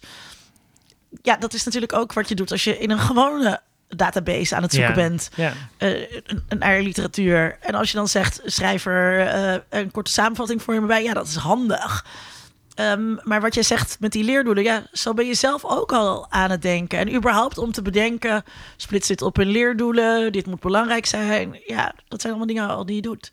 Hey, zijn er ook eh, een soort van andere alledaagse werkzaamheden die misschien niet per se eh, terugverwijzen naar docent zijn, maar gewoon dingen met eh, administratie of e-mail beantwoorden bijvoorbeeld. Nou, meer in mijn onderzoek gebruik ik het heel veel. Ik weet niet of dat voor jullie ook zo, zo geldt, maar ik, ehm, ik gebruik het in onderzoek heel erg veel. Hoe dan? Ja, door onder andere het programmeren gewoon makkelijker te maken. Dus veel, wat wij veel doen is, wij maken, we hebben dan ideeën, theorieën. En om die te toetsen, brengen ze in de praktijk door eigenlijk een systeem te bouwen wat dat, wat dat uitvoert. Ehm, en programmeren is gewoon ja, heel veel werk. Dat is gewoon echt een zware klus. Ehm, en nu kun je aan ChatGPT ja, gewoon vragen, definieer deze functievormen, definieer dat, definieer dat. En zo kom je eigenlijk sneller tot je onderzoeksresultaat. K- Kan je iets zeggen over hoeveel sneller dat dan is? Hoeveel werk was het en hoeveel werk is je nu on... Eh, Nou, als je, ik denk als je het goed kan prompten, scheelt dat wel in het ontwikkelen van de tool wel echt de helft van de tijd of zo. Oh, dat valt me nog mee. Ja? Ja. Ik ja. Ja, kijk, het is, eh, je laat, dan kleine, tegen, je laat ja. altijd kleine deeltjes maken. Dus je moet zelf nog wel nadenken over de grotere architectuur van je systeem. Maar waarom? Waarom kan je niet ook dat door het systeem laten genereren? Omdat het daarvoor te ingewikkeld is. Oké. Ja. Dus je, reikt, oh, je, je, je, je weet nog wel een grens te bereiken van eh, de Ja. mogelijkheden. Ja, ja. Zie jij andere toepassingen voor het, het alledaagse werk in het docentschap? Ehm, nou, je ziet nu natuurlijk al wel dat ehm, Microsoft Outlook bijvoorbeeld in mail eh, tekstsuggesties ehm, doet.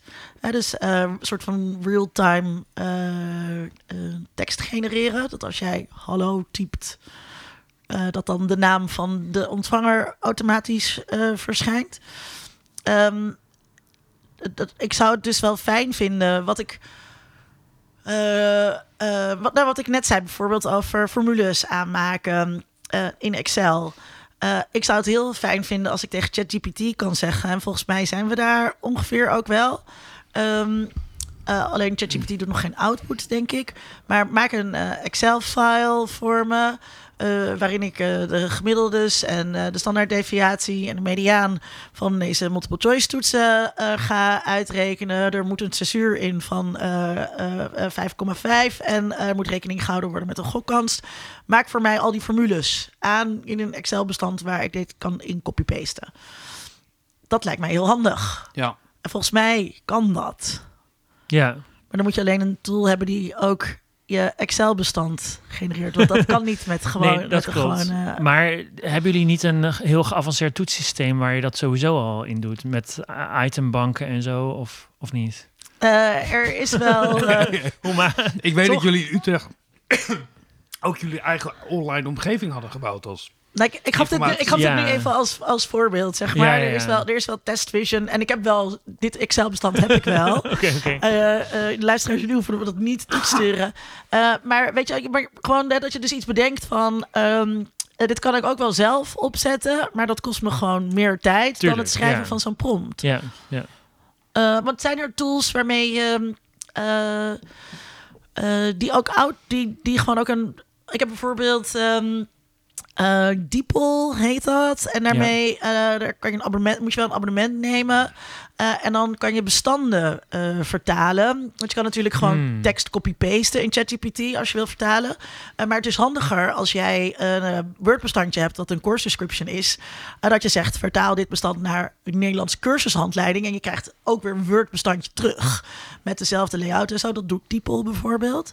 Zijn er ook toepassingen, weet je dat, waarbij je dus eh, eh, in de browser zeg maar zegt, ehm, ik wil eh, een eh, Excel-bestandje en dat hij dan een download ja genereert. dat moet bestaan, maar ik, Ja. ik weet niet Ja, dat precies... bestaat. Ik, ik, ik heb hem gezien. Ja. Ik weet even de naam niet. Maar dat je in natuurlijke taal kan je ook gewoon zeggen... Ik wil een da je kan helemaal in natuurlijke taal uitleggen wat je wil dat je met bestand gebeurt. Ah, Dan oké. geef me alle gemiddelden en de hoogte en dan schrijft hij zelf de formule. Ja. Dus dat is er al. Zou jij... Misschien luisteraars, als jullie eh, Ja. tips hebben voor handige, eh, hoe noem je dat? Eh, niet toepassingen van ChatGPT, maar extensies. Ja, ja. Ja, laat het weten, dan delen we die. Hoe, hoe zouden jullie het vinden als... Kijk, ons onderwijs is nu vaak een soort one size fits all. Hè, We bieden het aan.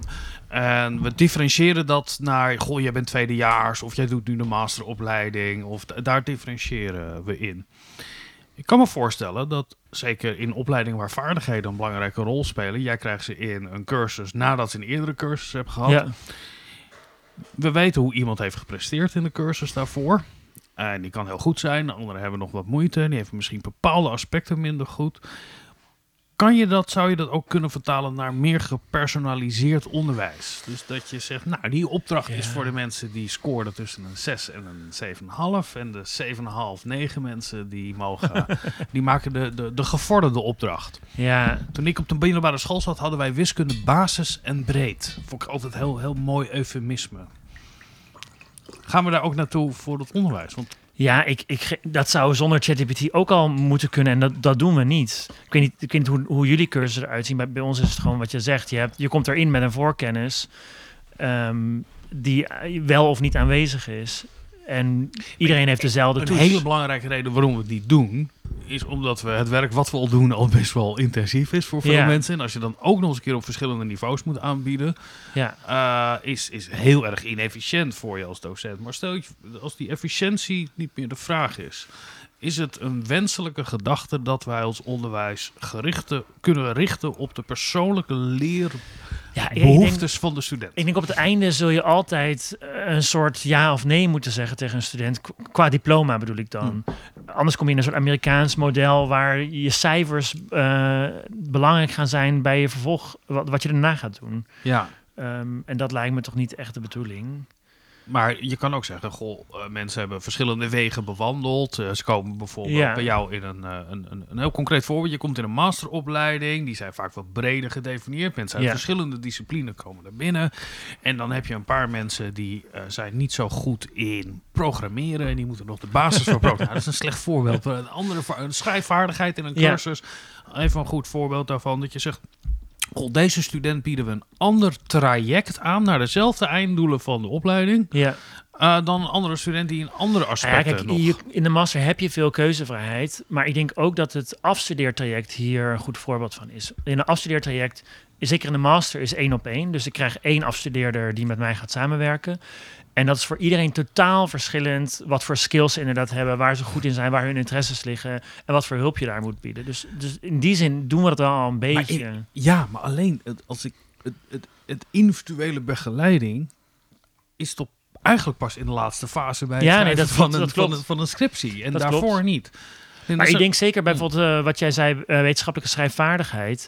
Dat is volgens mij iets waar studenten echt totaal verschillende ehm, eh, behoeftes hebben. ja. Sommige mensen kunnen goed schrijven, andere mensen kunnen goed literatuuronderzoek doen.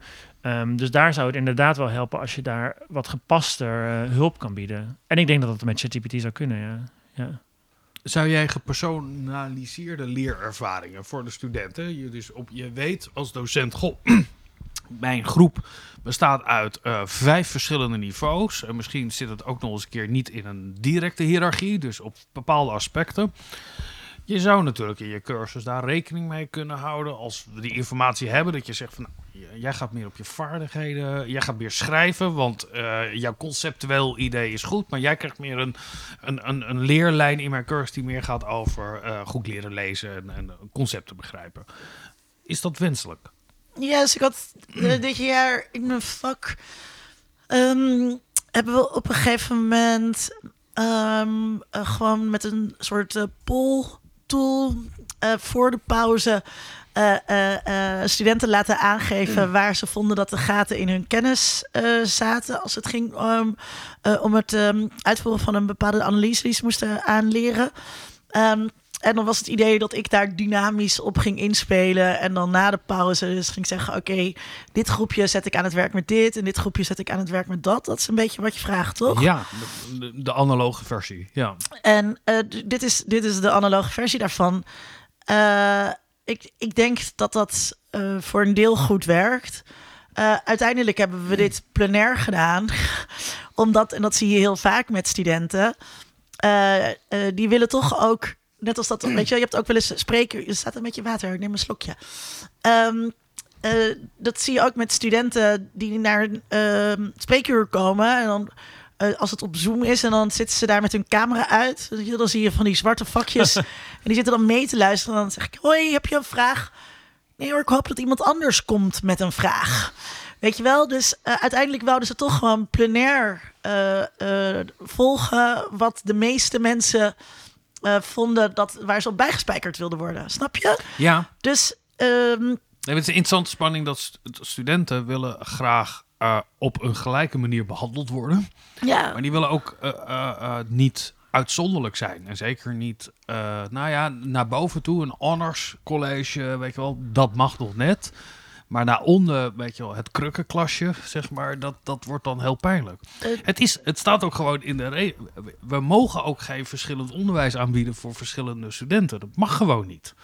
Wat ik heel interessant Hmm. vind met deze nieuwe technologie, omdat het heel goed mogelijk wordt. Het, ik denk ook dat maar je biedt de toch de hele tijd verschillend onderwijs aan voor verschillende studenten?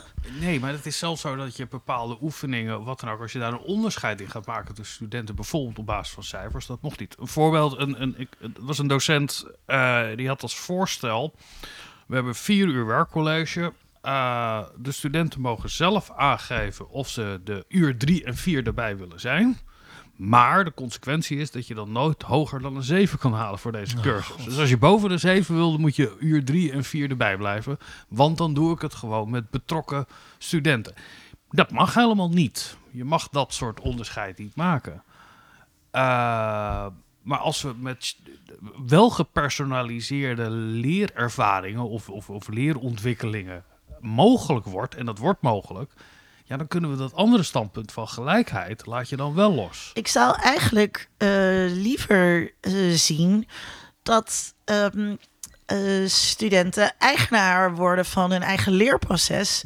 En dat probeer ik ze dus nu ook, ook, probeer ik ze nu ook toe aan te moedigen. Om door te zeggen. vraag zelf eens aan ChatGPT om keuzevragen te formuleren bij deze tekst die jij moet leren. Ehm, en dus dat, dat denk ik hierbij dus ook. Zoals ik hoor van, oké, vanuit de universiteit is het blijkbaar moeilijk. Ehm, dit zijn echt dingen wat studenten zelf heel goed eh, kunnen doen. En want hoe kijk jij daarin van, moeten wij studenten ook... Ja, bij jullie moet je dat sowieso leren. Maar vind, zou jij ook vinden dat, ze, dat je dus ook ehm, eh, in de niet-computerwetenschappen... dat we studenten moeten leren hoe je moet prompten, bijvoorbeeld? Ja, ik, ik, ik denk ook een beetje aan wat jij eerder zei. Ehm, is dat je een enorme achterstand hebt als je niet meegaat met de technologieën die er zijn. Je gaf natuurlijk een voorbeeld eh, van Excel bijvoorbeeld. Maar dat geldt ook voor ChatGPT. Dus ik denk dat je het aan je studenten verplicht bent zelfs om dat mee te nemen in je onderwijs. Om ze daarin te scholen. Om ze te vertellen hoe je moet prompten. En heel vaak kun je ook gewoon... ehm, studenten zijn ook vaak bang om dingen te vragen omdat ze dan dom overkomen bijvoorbeeld. Al die vragen kunnen gewoon in ChatGPT en krijgen ze een glashelder antwoord. Ja. Ehm, ik denk dat je dat moet stimuleren. Misschien ook wel opdrachten daarmee eh, verplicht moet stellen, van dat je daarmee gaat oefenen. Ik had Ja. dus nu in, eh, eh, in dit vak. Ehm, ik wou ook sowieso heel graag ChatGPT ter sprake brengen, eh, überhaupt in de les. Ja. Eh, dus ik had bedacht, studenten eh, moesten in de les een hele oude Coca-Cola commercial analyseren. Of een analyse daarop uitvoeren zoals we die ze aan het aanleren waren. En daarna heb ik ze de opdracht mee naar huis gegeven. ehm, vraag ChatGPT dit ook te doen. En dan te kijken naar wat zijn de verschillen, overeenkomsten tussen die Ja. analyses. Eh, zitten er misschien ook fouten in? Eh, en toen de week daarna hebben we een heel interessant gesprek gehad. eh, überhaupt gewoon over ChatGPT. En heel veel studenten zijn heel bang om het te gebruiken, omdat ze hun e-mailadres niet achter willen laten, bijvoorbeeld. Ja. Ehm, ze zijn heel bang om fraude te om, om per ongeluk fraude te plegen. Dat heb je natuurlijk sowieso ook vaak met studenten. Ehm, je hebt ook studenten die het al lang gebruiken, Ja, ehm, maar Ja. dus niet weten of het wel mag of niet. En waar ligt dan de grens? Ja. En eerst was het gewoon, omdat je zoveel collega's hebt die zeggen: mag niet, mag niet. Eh, dat dus ook de goede dingen, zeg maar, om, eh, om het voor te gebruiken. Bijvoorbeeld, zet mijn bibliografie in eh, Chicago Author Date. Ik zeg tegen studenten, please doe dat, zodat ik niet, weet je wel, jouw stomme bibliografie hoef na te kijken. Want dat vind ik dus ook totaal onzinnig werk, waarvan ik hoop dat ik het nooit meer hoef te doen. Ehm, en dat, en dat, dat werkte dus heel goed. Maar wat ik niet, wat we toen niet eigenlijk hebben gedaan, is eh, prompts vergelijken. Van wie heeft welke prompt gebruikt en eh, hoe heb je dat nou precies aangepakt? Ja. En ik denk dat dat, dat zou ik ook wel lastig vinden. Omdat ik ook niet weet hoe goed mijn eigen prompts zijn. Want ik ben zelf niet getraind in prompten. Ja. Wat, zijn Ja. wat maakt een goede prompt? Het resultaat. ja als, als, als de output klopt bij wat je wil, toch? Dat, eh, Nou ja, ik denk dat het vooral het interactieve heel belangrijk is. Dus dat je niet een vraag stelt en dan het antwoord accepteert. Maar dat je daar blijft doorvragen en doorprompten tot je echt precies hebt wat je zoekt. En dan word je er ook vanzelf beter in, heb ik het idee.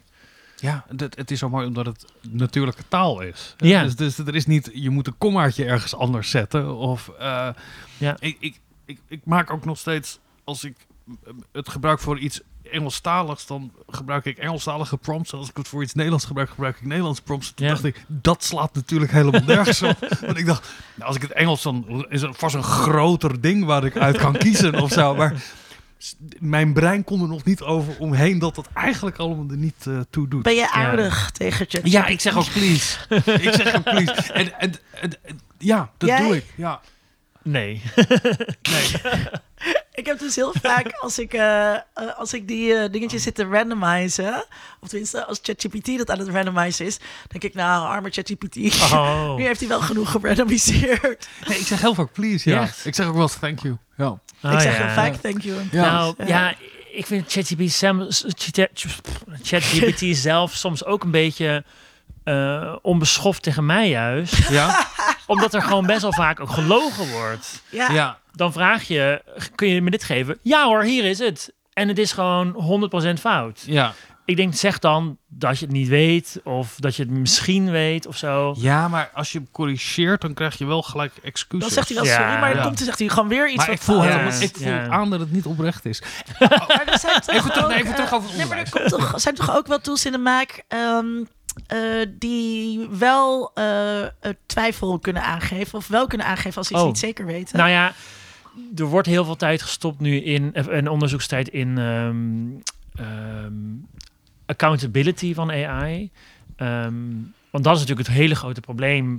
Bijvoorbeeld als je het hebt over geautomatiseerd nakijken, hoe weet je dat dat ook klopt? Die, die uitslag die je dan krijgt. En dat is ook een groot argument tegen AI. Want we hebben nu eigenlijk een soort eh, lofzang bezongen met z'n drieën. Ja, we gaan, we gaan, nu, we gaan, nu, we gaan nu de dark side bespreken hoor, Nico. Eh, het- Nou, wat- ja, wat je ziet dus af? Die, dat, Nou, dat dat- gebrek aan accountability. Absoluut, absoluut. En, ehm, En eigenaarschap ook. Of zeg je dat rekenschap? Ja, dat is natuurlijk een vorm van... ja, een en je hebt geen idee hoe betrouwbaar is de tool die ik gebruik. Je hebt geen idee daarvan. En dat is bij abstracties in ieder geval, ik ben in de informatica heel belangrijk, ehm, dat je garanties krijgt erover. Kijk, als je, als je bijvoorbeeld programmeert, dan wordt het uiteindelijk vertaald en dan gaat naar iets wat de computer gaat uitvoeren. Die vertaling, die moet kloppen. Die moet 100% kloppen, anders doet hij niet wat jij hebt gezegd dat hij moet doen. En zo zie ik het bij ChatGPT ook een beetje. Ja, hoe weet je dat je antwoord klopt? Je krijgt geen bewijs erbij of, of enige redenatie dat dat het juiste antwoord is. Ja, we kunnen al, we hebben het al gehad over nakijken met ChatGPT. Maar je kan ook op basis natuurlijk van de prestaties van de studenten bepalen. goed, wacht, maar, dat heb ik even gemist. Hoe gebruik jij het bij het nakijken dan? Hoe bedoel je? Gebruik jij het bij het Nee, nakijken? we hebben het eerder benoemd dat daar eh, mee geëxperimenteerd Ah, wordt. oké. dat ja, ik gebruik het heel soms. Ja, het is. ehm, ik weet niet hoe wat jullie ervaring is, maar eh, als je je maakt tentamenvragen en dan heb je een modelantwoord en dan stuur je het naar al die studenten en dan krijg je soms antwoorden terug dat je denkt van hoe in godsnaam zijn ze hierop gekomen? En ik krijg dus stukjes code soms terug dat ik denk ja geen idee of dit doet Ja. wat de student bedoeld heeft. En dan doe ik het soms in ChatGPT om, om te kijken wat het doet. Of ik voer de code zelf uit. Dus zo, zo gebruik ik Oh het wel. ja. ja, dat vind ik eigenlijk een hele logische Ja. manier hoe je dat kan. Studenten verzinnen echt oplossingen. Dat, echt, daar had je in duizend jaar niet aan gedacht. Dat is echt fascinerend. Die soms dus ook heel goed zijn. Ja, je- nou, ik weet wel bij tentamens dat je soms op open vragen Ja. in onze eh, dat je ook antwoorden krijgt die echt nooit zag aankomen, maar niet. Ja. Maar niet fundamenteel fout zijn of Precies. zo. Weet je, wel? Ja. je zou het inderdaad je heel raar bent. Kan je dat op deze manier Ja. benaderen? Wij willen natuurlijk niets lievers dan dat er eh, eh, automatisch nagekeken kan worden. Ook voor eh, zeg maar de meer de, de, de, de niet multiple choice-achtige toetsen. Raken we er ook iets mee kwijt? Wij als docent bedoel je? Nou, eh, van bibliografieën nalopen op comma's en punten. Ehm, daar, ik denk niet dat ik daar iets van, eh, van kwijtraak. Ik geef veel schrijfcursussen. En eh, heel veel van eh, de feedback die ik aan studenten geef, is eigenlijk de hele tijd hetzelfde. Eh, is ehm, eh, oké, deze titel die je aan je stuk hebt gegeven, zou je daar zelf op klikken? Eh, eh, Ja. Als je het Ja, op ja, sociale ja. media voorbij zag Ja. komen.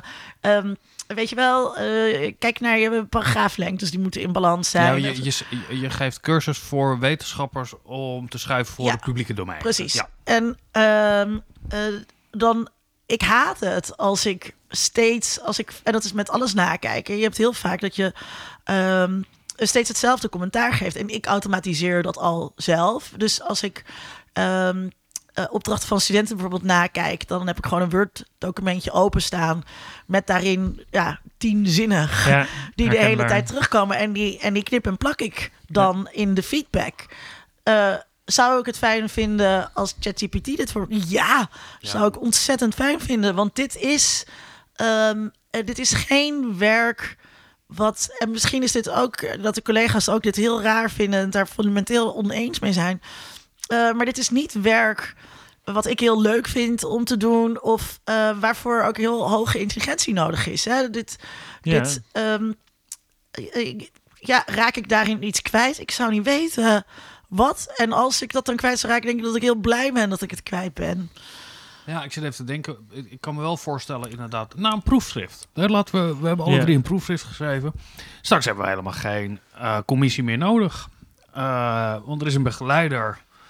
En uiteindelijk kan daar toch een goed oordeel over gegeven worden door het systeem. Eh, ik denk dat, dat, het, dat wat, het, wat het systeem eh, daarover kan zeggen, is, eh, is dit eh, helder opgebouwd? Heb je, heb je een eh, titel waar mensen op sociale media op zouden eh, klikken? Begint de conclusie met het herhalen van je onderzoeksvraag? Weet je, dat, soort, dat soort dingen. Maar dat is natuurlijk niet hoe wij een proefschrift beoordelen. Nee, maar in ons nakijkwerk. Een proefschrift wordt dus ook niet nagekeken. Nee. Nou ja, het wordt wel beoordeeld natuurlijk. Maar ik denk dat je dan ChatGPT gaat, gaat gebruiken als commissie om dat te lezen. Ik bedoel, ik kan me niet voorstellen dat mijn proefschrift door mijn hele commissie van A tot Z gelezen is. Je kan ik pikt me ze er niet- ook zo uit, hè? kan ik me niet mensen die- voorstellen. Die, alleen de, de, de samenvatting hebben gelezen. Toch? Ja.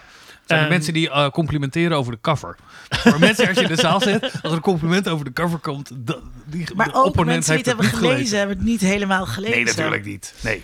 Nee. Maar je Eh, kan, je kan meer van het proefschrift tot je nemen met gebruik van, Ja. van AI. Ja. Ik, de, de- een van de grootste kostenposten in het hoger Maar, onder... wat, maar wat bedoelde je dan? Wat denk je dat we zouden kunnen kwijtraken als we dus meer van dit soort geautomatiseerd dingen die we zelf dus al automatiseren, die je dus eigenlijk in je eigen hoofd ook al geautomatiseerd hebt, als we dat uitbesteden aan. Nou, omdat toetsing is niet alleen toetsing voor de, de student. De toetsing zou ook voor de docent moeten zijn. En je zei eerder, weet je wel, het, het, bij een toetsing, de student leert daar niet van. Het, het didactische ideaal is natuurlijk dat je iets leert van je toetsing. En dat je niet toetst voor de docent. Maar als docent leer ik ook wel over hoe de studenten een bepaalde opdracht hebben gemaakt. Of hoe ze daar... eh, eh, wat je, ja, waar je, wat, wat ook weer in een soort feedback loop terechtkomt Dat- dat over hoe je waar. onderwijs organiseert. Dat is waar. Ik heb net vanochtend zat ik na te kijken. Eh, en toen heb ik daar wel allerlei aantekeningen bij gemaakt. eh, hoe ik volgend jaar de instructie beter ga geven. Ja. Ja, dat is wel ik- echt een ding. Ja. Ik kan me heel goed voorstellen dat je, eh, als je de voorbereiding en de structuur, maar ook de toetsing eigenlijk, dat je intellectueel onthecht raakt van het onderwijs wat je geeft, om het maar, Maar- heel groot te zeggen. Maar ik kan dan ook, net als dat je, en als je nu eh, junior docenten hebt die het nakijkwerk voor je doen, kan je ook aan je junior docenten vragen: hey, wat waren de belangrijkste punten die eruit kwamen die steeds misgingen? En dat kan je natuurlijk ook aan, Ja. aan je, aan je AI-assistent vragen. eh, waar, waar werden de meeste fouten gemaakt? En ik Maar, denk. dat, maar dat zie je nu al in je toetssysteem. Je kunt zien hoeveel, hoeveel procent eh, op een vraag gescoord wordt, hoe lang ze over een vraag doen. Daar kun je nu al best wel veel informatie uithalen. Ja, als het, als het digitaal afgenomen de tentamens zijn. Ja, dat doe ik niet zo vaak. Oké, Wij moeten, Ja, bij van ons moeten zijn studenten- allemaal digitaal. Dus eh, Ja, dat is bij ons dat is heel nuttig. Dat is heel handig. En bij ons met studenten heel veel papers eh, schrijven. Ah. En mijn Ja. meerkeuzevragen doen ze gewoon op papier. Wauw. Ja, dan kom je dus achter dat de jeugd van tegenwoordig heeft geen pen meer bij zich. Vind ik ook heel grappig. Dat, ehm, eh, maar en ik denk dus dat dat in zekere zin ook wel iets goeds zou hebben. Want dan heb je dus maak je ook de eh, stap om dus aan ChatGPT te vragen eh, waar ging het mis en kan je een aanbeveling schrijven eh, op basis van al die opdrachten die je hebt nagekeken, eh, waar de instructie op moet verbeteren. En dat kan ChatGPT dan heel goed. En ik denk dat we nu zelf, als we zelf nakijken, die reflectiestap eigenlijk vaak juist niet maken. Ja, ik, het- het- In ieder geval niet ja, expliciet. Ja, als ik er nu over nadenk, kijk, een, een- wat mij prachtig lijkt, is dat we af kunnen van cijfers geven. Cijfers zijn, een, cijfers zijn er voor docenten, niet voor studenten. Dat is een efficiënte en snelle manier. Maar het zou mooi zijn als elke student een uitgebreid formatief oordeel krijgt. Dit heb je goed gedaan, dat heb je minder goed gedaan. eh volgende keer let daarop, weet je wel. En dat dat gegenereerd eh, kan worden. Dan ben je van dat hele nakijken eigenlijk eh, op basis van cijfertjes geven zou je dan af kunnen zijn. Ik denk wel dat op het moment dat studenten zo savvy zijn dat ze eh, informatie op die manier kunnen behandelen, dat ze zichzelf eigenlijk kunnen toetsen en doen oefenen, dat het hele idee van plenair eh, bij elkaar komen met een docent ervoor ook misschien wel anders vormgegeven zou moeten worden. Op anders hoe? Nou, ik, ik, jij gaf het voorbeeld voor wat ik heel mooi vind. Je moet studenten. Eh, je moet ze juist leren om goed prompts te kunnen schrijven, om daarmee om te kunnen gaan. Ehm, nee, jij gaf het voorbeeld als je een tekst nog niet begrijpt. Gooi het in ChatGPT en laat het je uitleggen. eh, eerst op 4 VWO-niveau. En dan doe je daarna zeg je 6 VWO. En daarna zeg je wat je daadwerkelijk bent, gewoon dat tweede jaar. maar dat is een hele goede manier, denk ik, om, te- om te leren. Als die studenten die vaardigheid hebben Ja. om op deze manier, of het nou programmeren is, of, of in ons gev- geval moeilijke teksten lezen, of wat er. Dat, die, dat individuele, het zelf kunnen vormgeven van je individuele leerweg, weliswaar onder begeleiding van ons, dat dat een hele intensieve, gepersonaliseerde manier van onderwijs zou kunnen zijn, waarin met z'n allen bij elkaar komen, dan echt alleen nog maar bedoeld is om met elkaar van gedachten te wisselen en niet meer een of ander iemand die voor een whiteboard staat te herhalen wat bij het hoorcollege is verteld, maar waar de studenten niet waren omdat het niet verplicht was. Kijk, je hebt nu ook ijverige studenten die, eh hoe heette die kaarts, Q-cards, eh hoe heette die kaart, hoe noem je dat? Q-cards? Q-cards. Ja. Ehm, eh, maken en weet je wel, die hartstikke goed aan de slag gaan met eh, samenvattingen en ijver, ijver, ijver. Ehm, die studenten zie ik, zie ik dat wel doen. Ehm, en misschien doen ze dat nu. Er waren een paar studenten bij mij die dat al deden. Die met ChatGPT met teksten eh, te lezen, teksten te werk gingen. Allemaal alleen de goede studenten waren dat. Ja. Hè, dus ehm, ik ben dus ook eh, bang ehm, dat wij kunnen dit aan studenten uitleggen. We kunnen die handreiking aan ze geven. Van zo, eh, hè, zo ben je de baas over je eigen leerproces. En dan- En dan denk ik dat de goede studenten die dit zelf al hadden uitgevogeld, Ja, daar heel blij mee zijn Ja, met die handreiking. En dat die eh, kantjes eraf studenten. En die hebben wij gewoon bij mediastudies. Heb je die gewoon heel veel. I love you, studenten. Echt allemaal. Ook de kantjes eraf studenten. Ehm, maar die gaan dat toch niet doen. Nee, ik, ik denk dat je helemaal gelijk hebt. Ik denk dat we straks op een niveau komen van mensen 8, 9 in hun- hoe zij gebruik maken prompts. Maar je behoudt ook zesje-studenten die gewoon hele beetje luiig prompts gaan schrijven. Als dat het leerdoel wordt, hoe je En daarmee die dus of die nog steeds eh, geen prompt schrijven. Eh, en toch de hele tijd in de verleiding komen om ChatGPT te vragen om een paper voor ze te schrijven. Ja. Een van de grootste kostenposten, ik begon er eerder over binnen het hoger onderwijs, is dat mensen, studenten, eh, de verkeerde studiekeuze maken. Ja. Ehm, je kan je voorstellen dat je op basis van ChatGPT heel goed voorspellend kan zijn bij een middelbare schoolleerling over waar iemand eh, goed in is of waar iemand op zijn plek zou zijn op basis van al die data die we daarover hebben. Ja. Ehm, is dat een goed idee? Ik was afgeleid door Frits. Wat was je vraag? Als je een, je- toen jij eh, je hebt VWO gedaan, was wel al jouw Gymnasium, s- gymnasium. Oh, sorry, hoor, sorry dat je het niet vergeleken worden met die, met die paupers op het VWO. Ehm, ehm, ik, de- de studenten maken vaak een verkeerde studiekeuze. We kunnen denk ik een heel goed profiel maken van een nieuwe student, een leerling, op basis van het middelbare schoolwerk. Dat we al een soort profiel hebben van, god, dit is iemand die. Ja, maar dit die studiekeuze komt niet kan. uit de lucht vallen, toch? Die is toch ook al een beetje op basis van wat je op middelbare school hebt gedaan. En ik vind de verkeerde studie kiezen helemaal niet zo'n probleem ik zou je vertellen eigenlijk. dat Wat heb jij eerst gekozen? Wiskunde. Ik heb eerst wiskunde gedaan een jaar Ja. en daarna ben ik naar informatica overgestapt. en wat had Ipe ook alweer? Ipe heeft eerst... Eh, nee, IP heeft kunstmatige intelligentie gewoon dat gestudeerd en ja. dan daar heel lang over gedaan. Ja, en daarna is hij fotostripmaker geworden. Precies, Ja, die is ja. iets Ja. anders met zijn leven Ja. gaan doen. Ja. Jij hebt eerst eh, kunstgeschiedenis gedaan. Nee, kijk, heel eerlijk gezegd heb ik natuurlijk eerst gewoon een jaar HBO gedaan. Maar daar spreek ik natuurlijk nooit hardop over. Dat heb je anders best wel Want, vaak gezegd hoor in eh, deze oh. podcast. Nee, ik heb eerst het HAVO gedaan, eh, omdat ik op de vrije Zoals school jij zat. koketteert met, jouw, met jouw gewoonheid. Ja, kijk, mij is gewoon... Ja. Nee, toen zat ik... Nee, na de kunstgeschiedenis en daarna Maar uh, film- en televisiewetenschappen. Dat waren geen ja. studiekeuzes. Ehm, nee, maar ik vraag me wel af of je ehm, op basis van deze technologie in het onderwijs een soort beter profiel zou kunnen hebben van de studenten die je tegenover je hebt. Of daar niet een.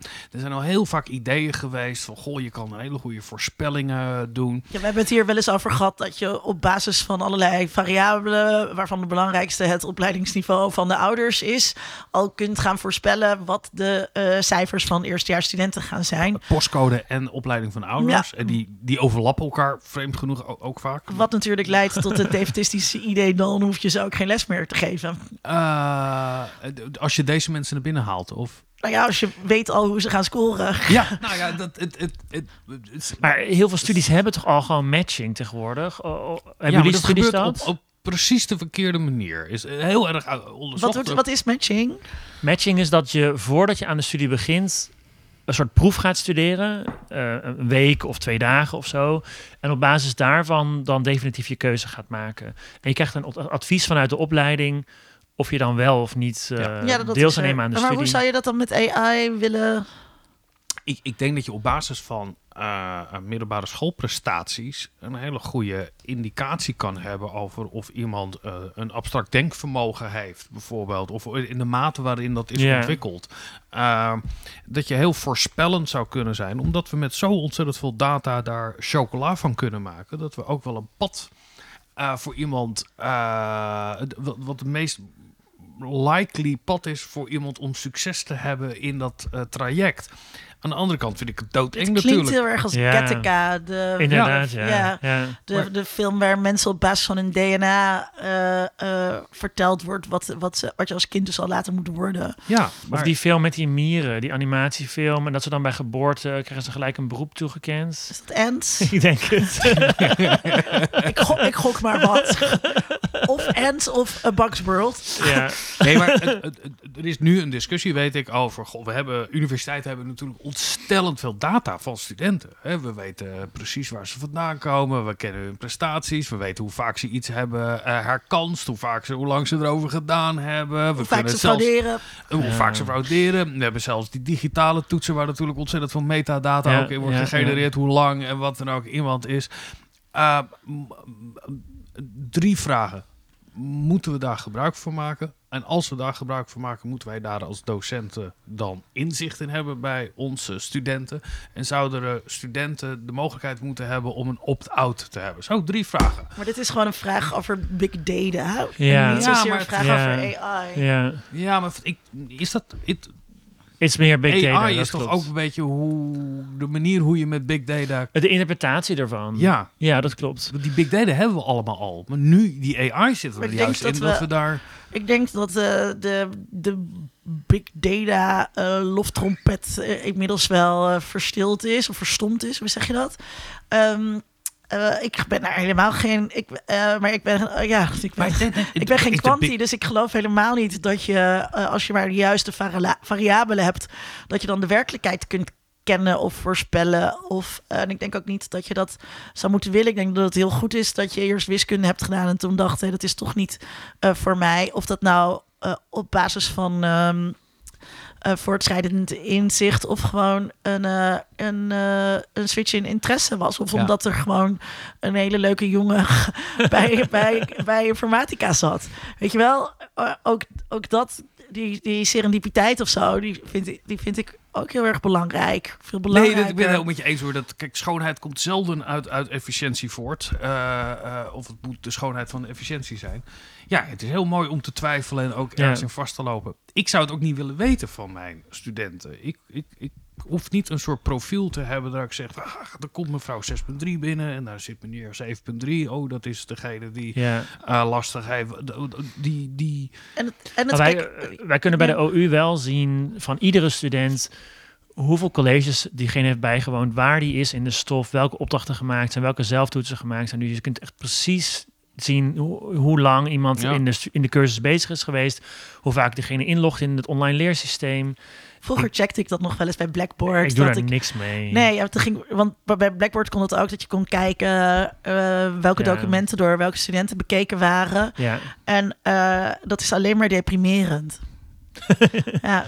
En wat jij zegt trouwens over die, over die eh, voorspellende AI, of AI inzet voor dit soort voorspellende doeleinden, daar heb je natuurlijk dat probleem waar Nico het net al over had, over die accountability en Ja. het idee van de black box. En we weten natuurlijk gewoon dat algoritmen gemaakt door mensen de vooroordelen van mensen reproduceren. Ja. Ehm, ja, nee, je krijgt natuurlijk eh, eh, eh, leerlingen die weten op welke punt het systeem gaat letten op basis waarvan jij weer een bepaald profiel krijgt en daarop ga je dan trachten het systeem. die gaan daar weer teaching to the, uh, learning to En the heb je test rijke ouders die kinderen naar een plek sturen Ja. waar je bijles krijgt over welke dingen je vooral goed moet doen om wel bij geneeskunde terecht te komen.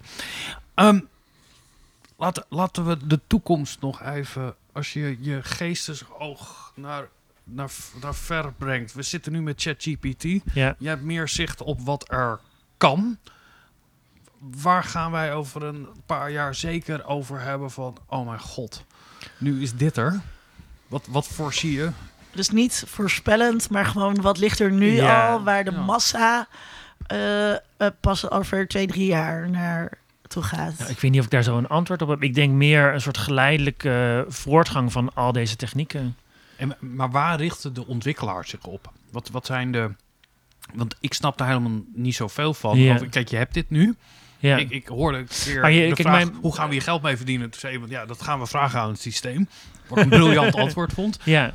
Ehm, maar wa- wa- waar, in welke richting ontwikkelt dit zich? Ah, kijk, de informatica groeit gewoon eh, langzaam door. Je kent misschien de wet van Moore, waarbij eh, dus ieder jaar verdubbelt. En zo is het dus ook bij AI. Deze technieken zijn niet nieuw, zoals ik net zei. Ze worden gewoon steeds beter, ze hebben steeds meer data. Ehm, en ik denk dat je die lijn, die zul je zien doorgaan. En, en worden ze dan, want dat begreep ik eerder in het gesprek, ze worden vooral beter omdat we eh, eh, snellere computers hebben en Ja. grotere databases. Absoluut. En dat En- blijft toenemen. En, maar het principe van het, het, het, het, het, het leren, zeg maar, of hoe je zo'n database beheert. Daar gaat, daar gaat volgens mij weinig aan veranderen. En, en dat principe blijft gewoon. Dus Ja. we zitten vooral te wachten op de versnelling en, en, Ja. en, en, en wat daar, daarin gaat gebeuren. Ja. Wat ik ook nog niet helemaal begrijp. Het zou een universiteit, als we het toch over onderwijs hebben. Kijk, nu zijn we afhankelijk van Amerikaanse partijen waar we dit gebruik van maken. We hebben met z'n allen vastgesteld, dit, dit gaat niet, dit waait niet over. Ja. Zouden een universiteit hun eigen systemen moeten draaien hiervoor? ja, het is, En kan dat, dat? dat zou moeten, maar dat kan niet, denk ik. Het is echt onvoorstelbaar hoeveelheid geld die hier ingestopt is om dit voor elkaar te krijgen. En ja, hoe ga je dat, hoe ga je dat, eh, dat nadoen? Dat, dat kan volgens mij gewoon niet. Eh, een van de dingen die, waar ik eh, verbaasd over was in die workshop, was dat er, er wordt buiten heel veel herrie gemaakt. Ik hoop dat het niet te horen is op de podcast. Ehm, eh, was dat je nu studenten geen opdrachten mag laten doen met ChatGPT, Mhm. omdat de UvA daar geen contract mee heeft. En eh, ik dacht, oké, hè, sinds wanneer? Want vroeger werden studenten gewoon verplicht om eh, in Facebook iets aan te maken, bijvoorbeeld. Ja, ja, en dan moesten ze daar ook al hun gegevens Ja. Blackboard zo ruk. Sinds, wij, sinds wanneer zijn wij in één keer holier than thou? Daar zal vast ook Microsoft eh, een handje in hebben... die nu al die eh, Outlook-contracten met de universiteit vastlegt. Maar dat vond ik dus ook wel ehm, eh, interessant. Want dus op dit moment mag je dus... eh, eh, in ieder geval aan de UvA mag dat dus niet. Dus ik mag niet als, als wat ik dus heb gedaan van eh, ga naar huis en, en prompt ChatGPT op die Coca-Cola reclame. Dat mag dus eigenlijk niet. Hmm. Hoe, hoe, hoe, zie, hoe kijk jij daar, daarnaar? Dat dat. Ja, je doet ze tekort volgens mij. ja, Je, het ja. lijkt alsof je ze beschermt, maar je doet ze tekort. Absoluut, tuurlijk. Ja. Je moet volgens mij zoveel mogelijk nieuwe technieken in je, in je cursus inbrengen. Dat heb je gewoon nodig. Als je later de wereld ingaat. ehm, heb je daar gewoon zoveel voordeel van. Maar zijn we Ja. in deze fase al te laat om niet afhankelijk te zijn van deze partijen? Dat, dat voelt zo... eh het zijn toch ook op Ja, Europees dat is- niveau dat we, hè, we willen onze Ja. eigen servers... eh, ja, dat is een eh, heel andere discussie, denk ik. Ehm, dat zie je ook bij de grote techbedrijven op niet-AI-toepassingen bijvoorbeeld. Ja, De, de- het hele academie wordt door Google Scholar zo'n beetje geregeerd. Er zijn nu langzaamaan zijn er wat alternatieven. Ehm, maar daar kom je gewoon niet, eh, kom je gewoon niet onderuit, volgens Ja. mij. Ehm, en deze vraag voor docenten, eh, eh, geldt het ook voor docenten zelf? Dus je moet zoveel mogelijk eh, nieuwe technieken zelf leren gebruiken, anders Ja. doe je jezelf tekort. Tuurlijk, Ja. absoluut, absoluut. Maar dat gaat meer voor je onderzoek, denk ik, dan voor je onderwijs. Ja, Qua eh, ge- gemak wat daarin zit. In automatisering van eh, eh, je data-analyse. Ja, en uiteindelijk is het onderzoek meer een soort eh rat race die je met al je collega's aan het voeren bent. Van wie kan het snelste de beste resultaten eh, krijgen. Ja, dan moet je de nieuwste technieken gebruiken. Daar hebben we het ook nog helemaal niet over gehad. En ik vind dat daar je dus. Eh, daar, het gaat alleen maar over studenten die frauderen met eh, ChatGPT. Ja, ik heb is- zelf wel eens gehad dat ik eh, een review deed bij een, op een artikel. En eh, die persoon had mijn theoretisch kader volledig gekopieerd en mij een paar keer geplagieerd. Wauw. En dat is dus ook heel interessant, want wat doe je dan? Dus toen heb ik die editors in chief natuurlijk ehm, aangeschreven. Eh, maar we hebben eigenlijk, daar zijn eigenlijk helemaal geen dingen voor. Er is niet een soort meld iets. Ja. Ehm, we hebben het daar toen ook over gehad. Wat, wat gebeurt er eh, als je dit, moet je ergens heen? Kijk, de editors weten natuurlijk eh, wie, dit, wie dit was. wie dit is. Als dat nog een PhD-student is, moet je dat dan gaan melden bij een supervisor. Waar, Ja. Waar, waar zit de, de examencommissie, zeg maar, op, op andere wetenschappers? En eh, ook, want als je het dus nu zegt eh, eh, van hè, dit is een plagiaat, dan gaat dat gewoon naar een ander journal. En Ja. daar zit niet Linda Duits haar eigen geplagieerde werk te reviewen. Ja. Ehm, en dit is natuurlijk ook, dit gaat natuurlijk onder collega's ook heel erg spelen, die wel fraude gaan, zoals ik dat net voor me definieerde, die fraude, gaan plegen ook met, met ChatGPT. Ja, of het nou bewust of onbewust is. En daar gaat de discussie aan de weet. In ieder geval, ik heb daar nog nooit eh, discussie over gehoord onder collega's. nee, ik, Dus blijkbaar vinden we onszelf, zijn we doodsbang voor Ja. onze studenten. En is het Ja. het einde van de wereld wat je zei. En vinden we onze collega's allemaal super integer. En oh, die zouden dat nooit doen. Ehm, nee, het, het, het is wonderlijk inderdaad dat het publiceren, maar bij plagiaat zou een artikel gewoon teruggetrokken moeten worden. Daar, daar zijn gewoon regels voor. Eh, maar Of wil je we- terug, eh, eh, nou, maar teruggetrokken? Als je dus bij een review iemand daarop betrapt, ja, dan ja, dan gaat ze toch gewoon ergens anders publiceren. ja. Ja, maar je wil ook niet een soort publieke schandpaal van dit zijn de plagieerders in de academische wereld. Was uit in Vietnam. Ja, je- bij de ingang van de winkel hing zo'n enorme galerij met allemaal Polaroids van mensen die gepakt waren door winkeldiefstal. nou, jij wilt dus dat soort borden eigenlijk hebben voor mensen die plagiëren bij als een artikel indienen. Want je- moet dat dan toch ergens registreren. Maar Nee, je volgens hoeft mij. niet ergens te registreren, maar je zou toch in ieder geval bij de universiteit waar die persoon werk, werkzaam is, daar melding van moeten maken. Ja. Nico, zullen we afspreken dat we over een jaar of eh, vijf of zo dit, dit, dit- deze keer terug gaan luisteren, deze aflevering. En dan Ja. gaan we smalen, lachen, zoals we nu kijken naar oude introductiefilmpjes van internet.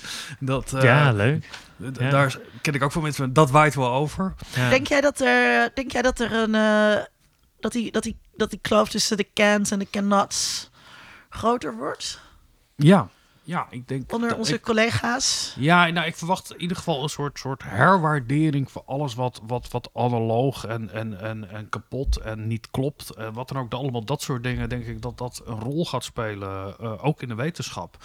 Dat juist mensen die op, eh, eh, op, op, op, op een, een, een schoolbord met krijtjes nog calculus doen, of mensen die echt nog met de hand gaan schrijven om maar een tegenwicht te bieden, om maar te laten zien dat je niet dit hebt gebruikt, maar dat je het dat het bij wijs van spreken verwacht ik dat we publicaties met handgeschreven dingen Oh, gaan dat, zien. dat, dat En- bedoelde ik en- niet. en Ik dat- bedoelde meer dat gewoon de mensen die er niet kunnen gewoon achterop raken Oh, oh, en dat omkomen in de werkdruk Omdat, eh, kijk, op het moment dat ik mijn, eh, mijn toetsen veel efficiënter eh, kan maken, dan hou ik die tijd natuurlijk over. Eh, eh, om andere dingen te gaan doen. Ja, ja. Dus dan heb je minder uren nodig. Ik ben Eh, heel voor een benieuwd vak. wat, het, wat er gaat gebeuren met publiceren in, in, in brede zin. Want volgens mij gaat dit ook leiden tot nog meer publicaties. Dit gaat leiden tot nog meer publicaties. En, eh, en, En en heel veel spookpublicaties, wat je nu ook al ziet Ja. in de literaire wereld met, Ja. eh, Dus- met self-publishing. Al die open journals, eh, eh, Ja. die kunnen daardoor overstelpt raken. Ja, dus eh, eh, we ain't seen nothing yet. Nico, dit was aflevering 182 van de... Is er geen Onder vraag te beantwoorden? Ja, zeker wel. Oh, Ehm, en de vraag was, op welke manier kan AI het geven van onderwijs veranderen, verbeteren of misschien ook wel verslechteren? En ik geef eerst het woord aan Linda en dan krijg jij het laatste woord. Oké. En daar mag je nog even over nadenken. Eh, ik denk zoals ehm, met eh, iedere vorm van eh, technologie eh, zit daar een bepaalde winst in te behalen. Dus het was ontzettend handig toen we de pen uitvonden. Omdat je daarmee makkelijker kon schrijven. En de typemachine heeft ook het werk van wetenschappers heel erg, of van docenten, ehm, verbeterd. En ik denk dat je het op deze manier eh, ook moet zien. Ik weet nog toen eh, ChatGPT zo doorbrak dat ik jou zag en dat jij ook helemaal was. Oh, alles wordt anders. Dit is de game. Dit is de grote game changer. Dat denk ik helemaal niet. Ik denk niet dat dit de grote game changer is. Ik denk dat het. dat het heel veel tijdswinst eh, oplevert. Dat het eh, ons vraagt om eh, wat dingen te herdenken. Op een andere manier te gaan, eh, te gaan bedenken. Eh, maar ik denk dat de basisprincipes niet zo gaan veranderen. Nico. Ja, ik vind dat een heel mooi antwoord. Ik denk wat ik nog toe te voegen heb, is dat het ons in staat stelt om een hoger abstractieniveau te bereiken. Je kunt meer overzien, je kunt over meer nadenken, omdat je minder met de details bezig bent. Eigenlijk precies zoals jij zegt met die pen. Eh, als je minder tijd kwijt bent met schrijven, heb je meer tijd om over interessantere dingen na te denken. En dat is denk ik de overtreffende trap van wat we nu weer gaan zien. Ja, ik, ik, ik, ik vind dat wel een grote fundamentele verandering als dat gebeurt. dus dat, dat we... Ja, ik denk, dat die- je, ik denk dat je iedere keer heb je een soort sprongetje. ehm, en daarna is het, een, is het wat meer geleidelijk. Dus we hadden eer, eerder had ik het over portretten. De camera's uitgevonden. Dat was een sprongetje. De digitale camera is een sprongetje. En dan daarna is het wat geleidelijker. Je krijgt ook hogere resolutie, dat soort dingen. En dat zien we nu ook. Ja. Dus de AI, er is nu zoveel geld in gepompt. Deze mooie tool is er. En in de toekomst is het een soort geleidelijke eh, toename van wat we daarmee kunnen.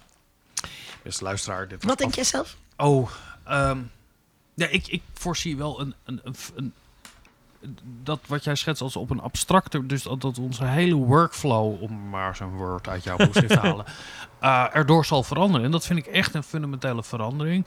En ik denk dat in mijn vakgebied het, eh, het paper, weet je wel, een, een essay, een artikel, wat dan ook, dat als, als, als hoogste vorm van manieren waarop we kunnen communiceren over hoe we naar de wereld kijken, dat dat gaat veranderen. En wat ik interessant aan vind, is dat eigenlijk het middel is voor veel mensen het doel geworden. Namelijk een mooi geschreven paper hebben. Het doet Ja. ook niet zo heel veel toe hoeveel mensen het lezen. Ehm, en het, het, het, nu wordt dat weer een middel. Want nu moeten we het ook weer gaan hebben over op welke manier willen we eigenlijk vanuit ons wetenschapsgebied met elkaar communiceren.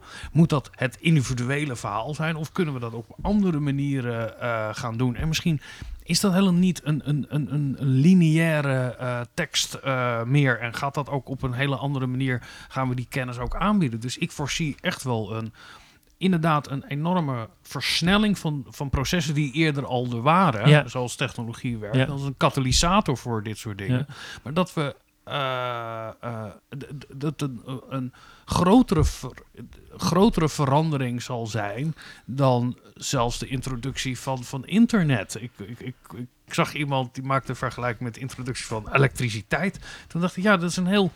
Dat begon natuurlijk ook met eh, een paar kerstlampjes eh, bij een warenhuis om te laten zien hoe, hoe, hoe hip je bent. Eh, elektriciteit ging over licht in de eerste instantie. En pas hoe fundamenteel de wereld is veranderd door die technologie in, in alle haarvaten. Ik kan me heel goed voorstellen dat dit ook Maar aan de de, aan de capaciteit heeft. Ja. Dus wat, wat, wat ik zie gebeuren is dat eh, mensen moeten beter nadenken over wat, wat we eigenlijk aan het toetsen zijn. Ja.